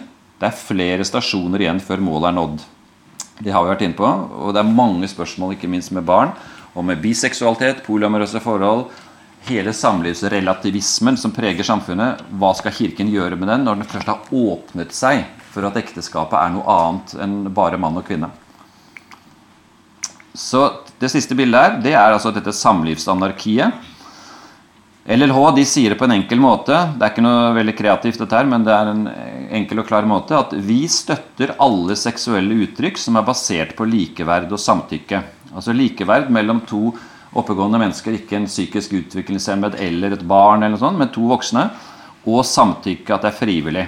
Hvis det er det, frivillig mellom to voksne, så er alt greit. Uansett hva det er for noe. Og Målet for den kjønnsradikale agendaen det er å avskaffe heteronormen, altså mann-kvinne-normen, og innføre multinormen. Resultatet blir et samlivsanarki, eller meningsmotstanderne våre vil si et mangfold, et positivt mangfold der ingen samlivsform skal stå i noen særstilling. Hetero, homo, bi, poli, trans og vi kunne putte inn mange andre. Og singel, da tenker jeg med dette med single kvinner som også skal ha rett til barn. Alt skal defineres som like naturlig, normalt, rett og godt for barn, for voksne og for samfunnet. Her er et lite eksempel på hva det innebærer med alle disse forskjellige kjønnsidentitetene og kjønnsuttrykkene. Det er en konferanse for noen år tilbake i USA om å overskride grensene. Og det er en ganske god tittel, syns jeg. Det er en sånn radikal konferanse hvor altså grenser er av det onde. Det skal være det grenseløse og det normløse samfunnet vi jobber, jobber for. Det er det som er positivt. Det er det som gir frihet til flest mulig, tenker noen. Så her ser du en del av disse 56 forskjellige benevnelsene som også Facebook bruker. Og til slutt, dette er det aller siste bildet. Tre b-er for mor-far-barn-relasjonen og for ekteskapet. Det er mann og kvinne. Det er disse tre stikkordene. Hvis du ikke husker noe annet, så prøv å huske de tre ordene fra denne kvelden. Det er biologien, det er barnet, og det er Bibelen. Biologien er veldig entydig på at det er én mann og én kvinne som får barn. Barnet en, det er en menneskerett for barn å ha sin egen mor og far og ikke bli fratatt det av staten eller noen andre. Og så er det Bibelen. den er helt entydig på at ekteskapet er mann og kvinne. Det er tre bein på en stol, eller det er tre pilarer i et byggverk som er helt grunnleggende. Og hvis du har det på plass, de tre stikkordene, så har du veldig mye å bygge rundt, både overfor deg selv når du tenker å jobbe med saken, og også i samtaler med andre. Da er vi kommet til veis ende, og da vil jeg si tusen takk for at dere kom. Jeg håper ikke dere er blitt motløse, for det var ikke meningen. Det kan være litt sånn sjokkbehandling for noen dette her, hvis ikke de har tenkt så mye på saken før. Men jeg håper at eh, vi fortsatt eh, vet det at Gud er kirkens herre. Han har åpenbart seg ordet sitt. Vi har alt vi trenger der, og vi har det kristne fellesskapet, hvor vi også nå må støtte hverandre veldig aktivt i tida og årene framover. Støtt de prestene også som virkelig står på dette synet, og som vil bevare ekteskapet. Og støtt hverandre. Så takk skal dere ha. God kveld. Og hvis vi ses i morgen klokka halv elleve, så blir det veldig hyggelig. Ha en god kveld.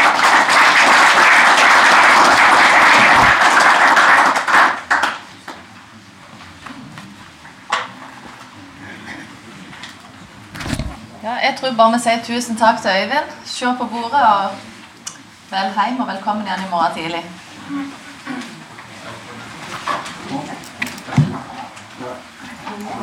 Thank